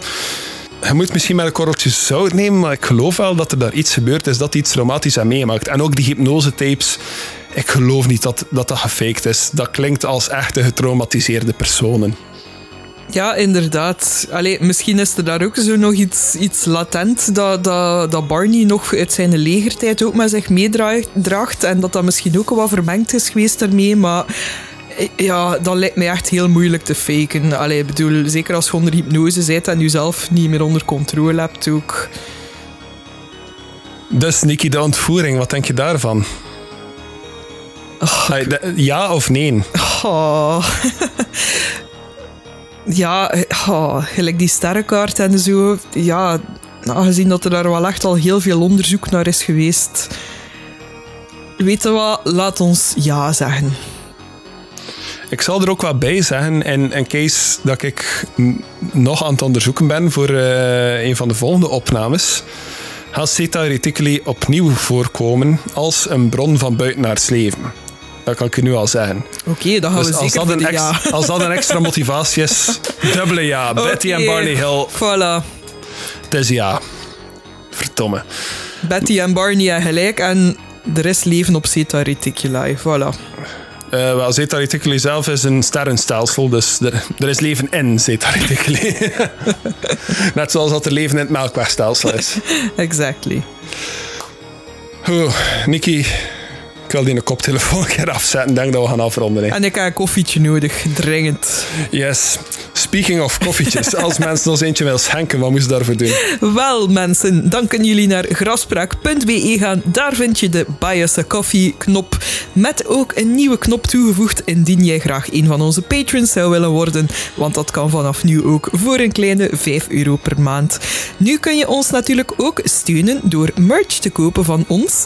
Je kan eh, ja, t-shirts, stickers, totebags, al wat je maar wil daar ook terugvinden op onze webshop. Ja, je kan zelfs customizen. Maar eh Nicky is er een beetje te snel over de Patreon aan, want deze week bedanken we Glenn van der Stukken, Michael Onkelings, Leentje Roesbeke, Zustage, Koen en Suzanne van Dalen. En uiteraard ook nog Okniens, Josephine en Mike Keizer. Die het nooit zullen voorhebben dat hun kat zelfstandig deuren begint te openen op onverklaarbare wijze wanneer die binnen en buiten wilt. Bedankt. Wil je graag nog meer in interactie treden met ons of met andere gelijkgestemde zielen? Dan kan je ons ook terugvinden op de sociale media natuurlijk. Facebook, Instagram en ja, eigenlijk bijna amper Twitter nog. Maar kom, we gaan het maar voor de volledigheid zeggen. Als grafspraak natuurlijk. En op. Facebook natuurlijk. Yes. Zeg maar. En op Facebook natuurlijk ook de groep Grafspraak Community. Yep, alles is daar welkom, Nicky, behalve... Bullshit! Yes! Oeh, Graspraak is te beluisteren op Apple Podcast, op Spotify, op Stitcher, op ja, elke podcast-app eigenlijk. Gebruik de app van de standaard podcast, je kunt ons daar waarschijnlijk ook wel in terugvinden. Dus eh, mij maakt dan allemaal niet uit waar dan luistert, maar als je kan, abonneer je, laat een rating na, eh, laat een reactie na. Het is allemaal welkom, we lezen alles, we kijken naar alles en we zijn altijd blij om daar nieuwe sterretjes te zien bijkomen, want 5 sterren is dan ook de correcte rating. Betty zag er misschien 16, maar wij zijn al content met 5. Want wie niet rate of comment of subscribt en toch gratis blijft luisteren naar ons, eerst en vooral is dat dikke bullshit. En kan het wel een keer gebeuren dat opeens wakker wordt van een zoemend geluid en dat een potlot in je poeper voelt gaan. En dat is niet aangenaam, dat wil me toch niemand aandoen, hè, Nicky. Dus abonneer je gewoon. Dit was Grafspraak. Tot volgende week. Dank u wel voor het luisteren. Bye.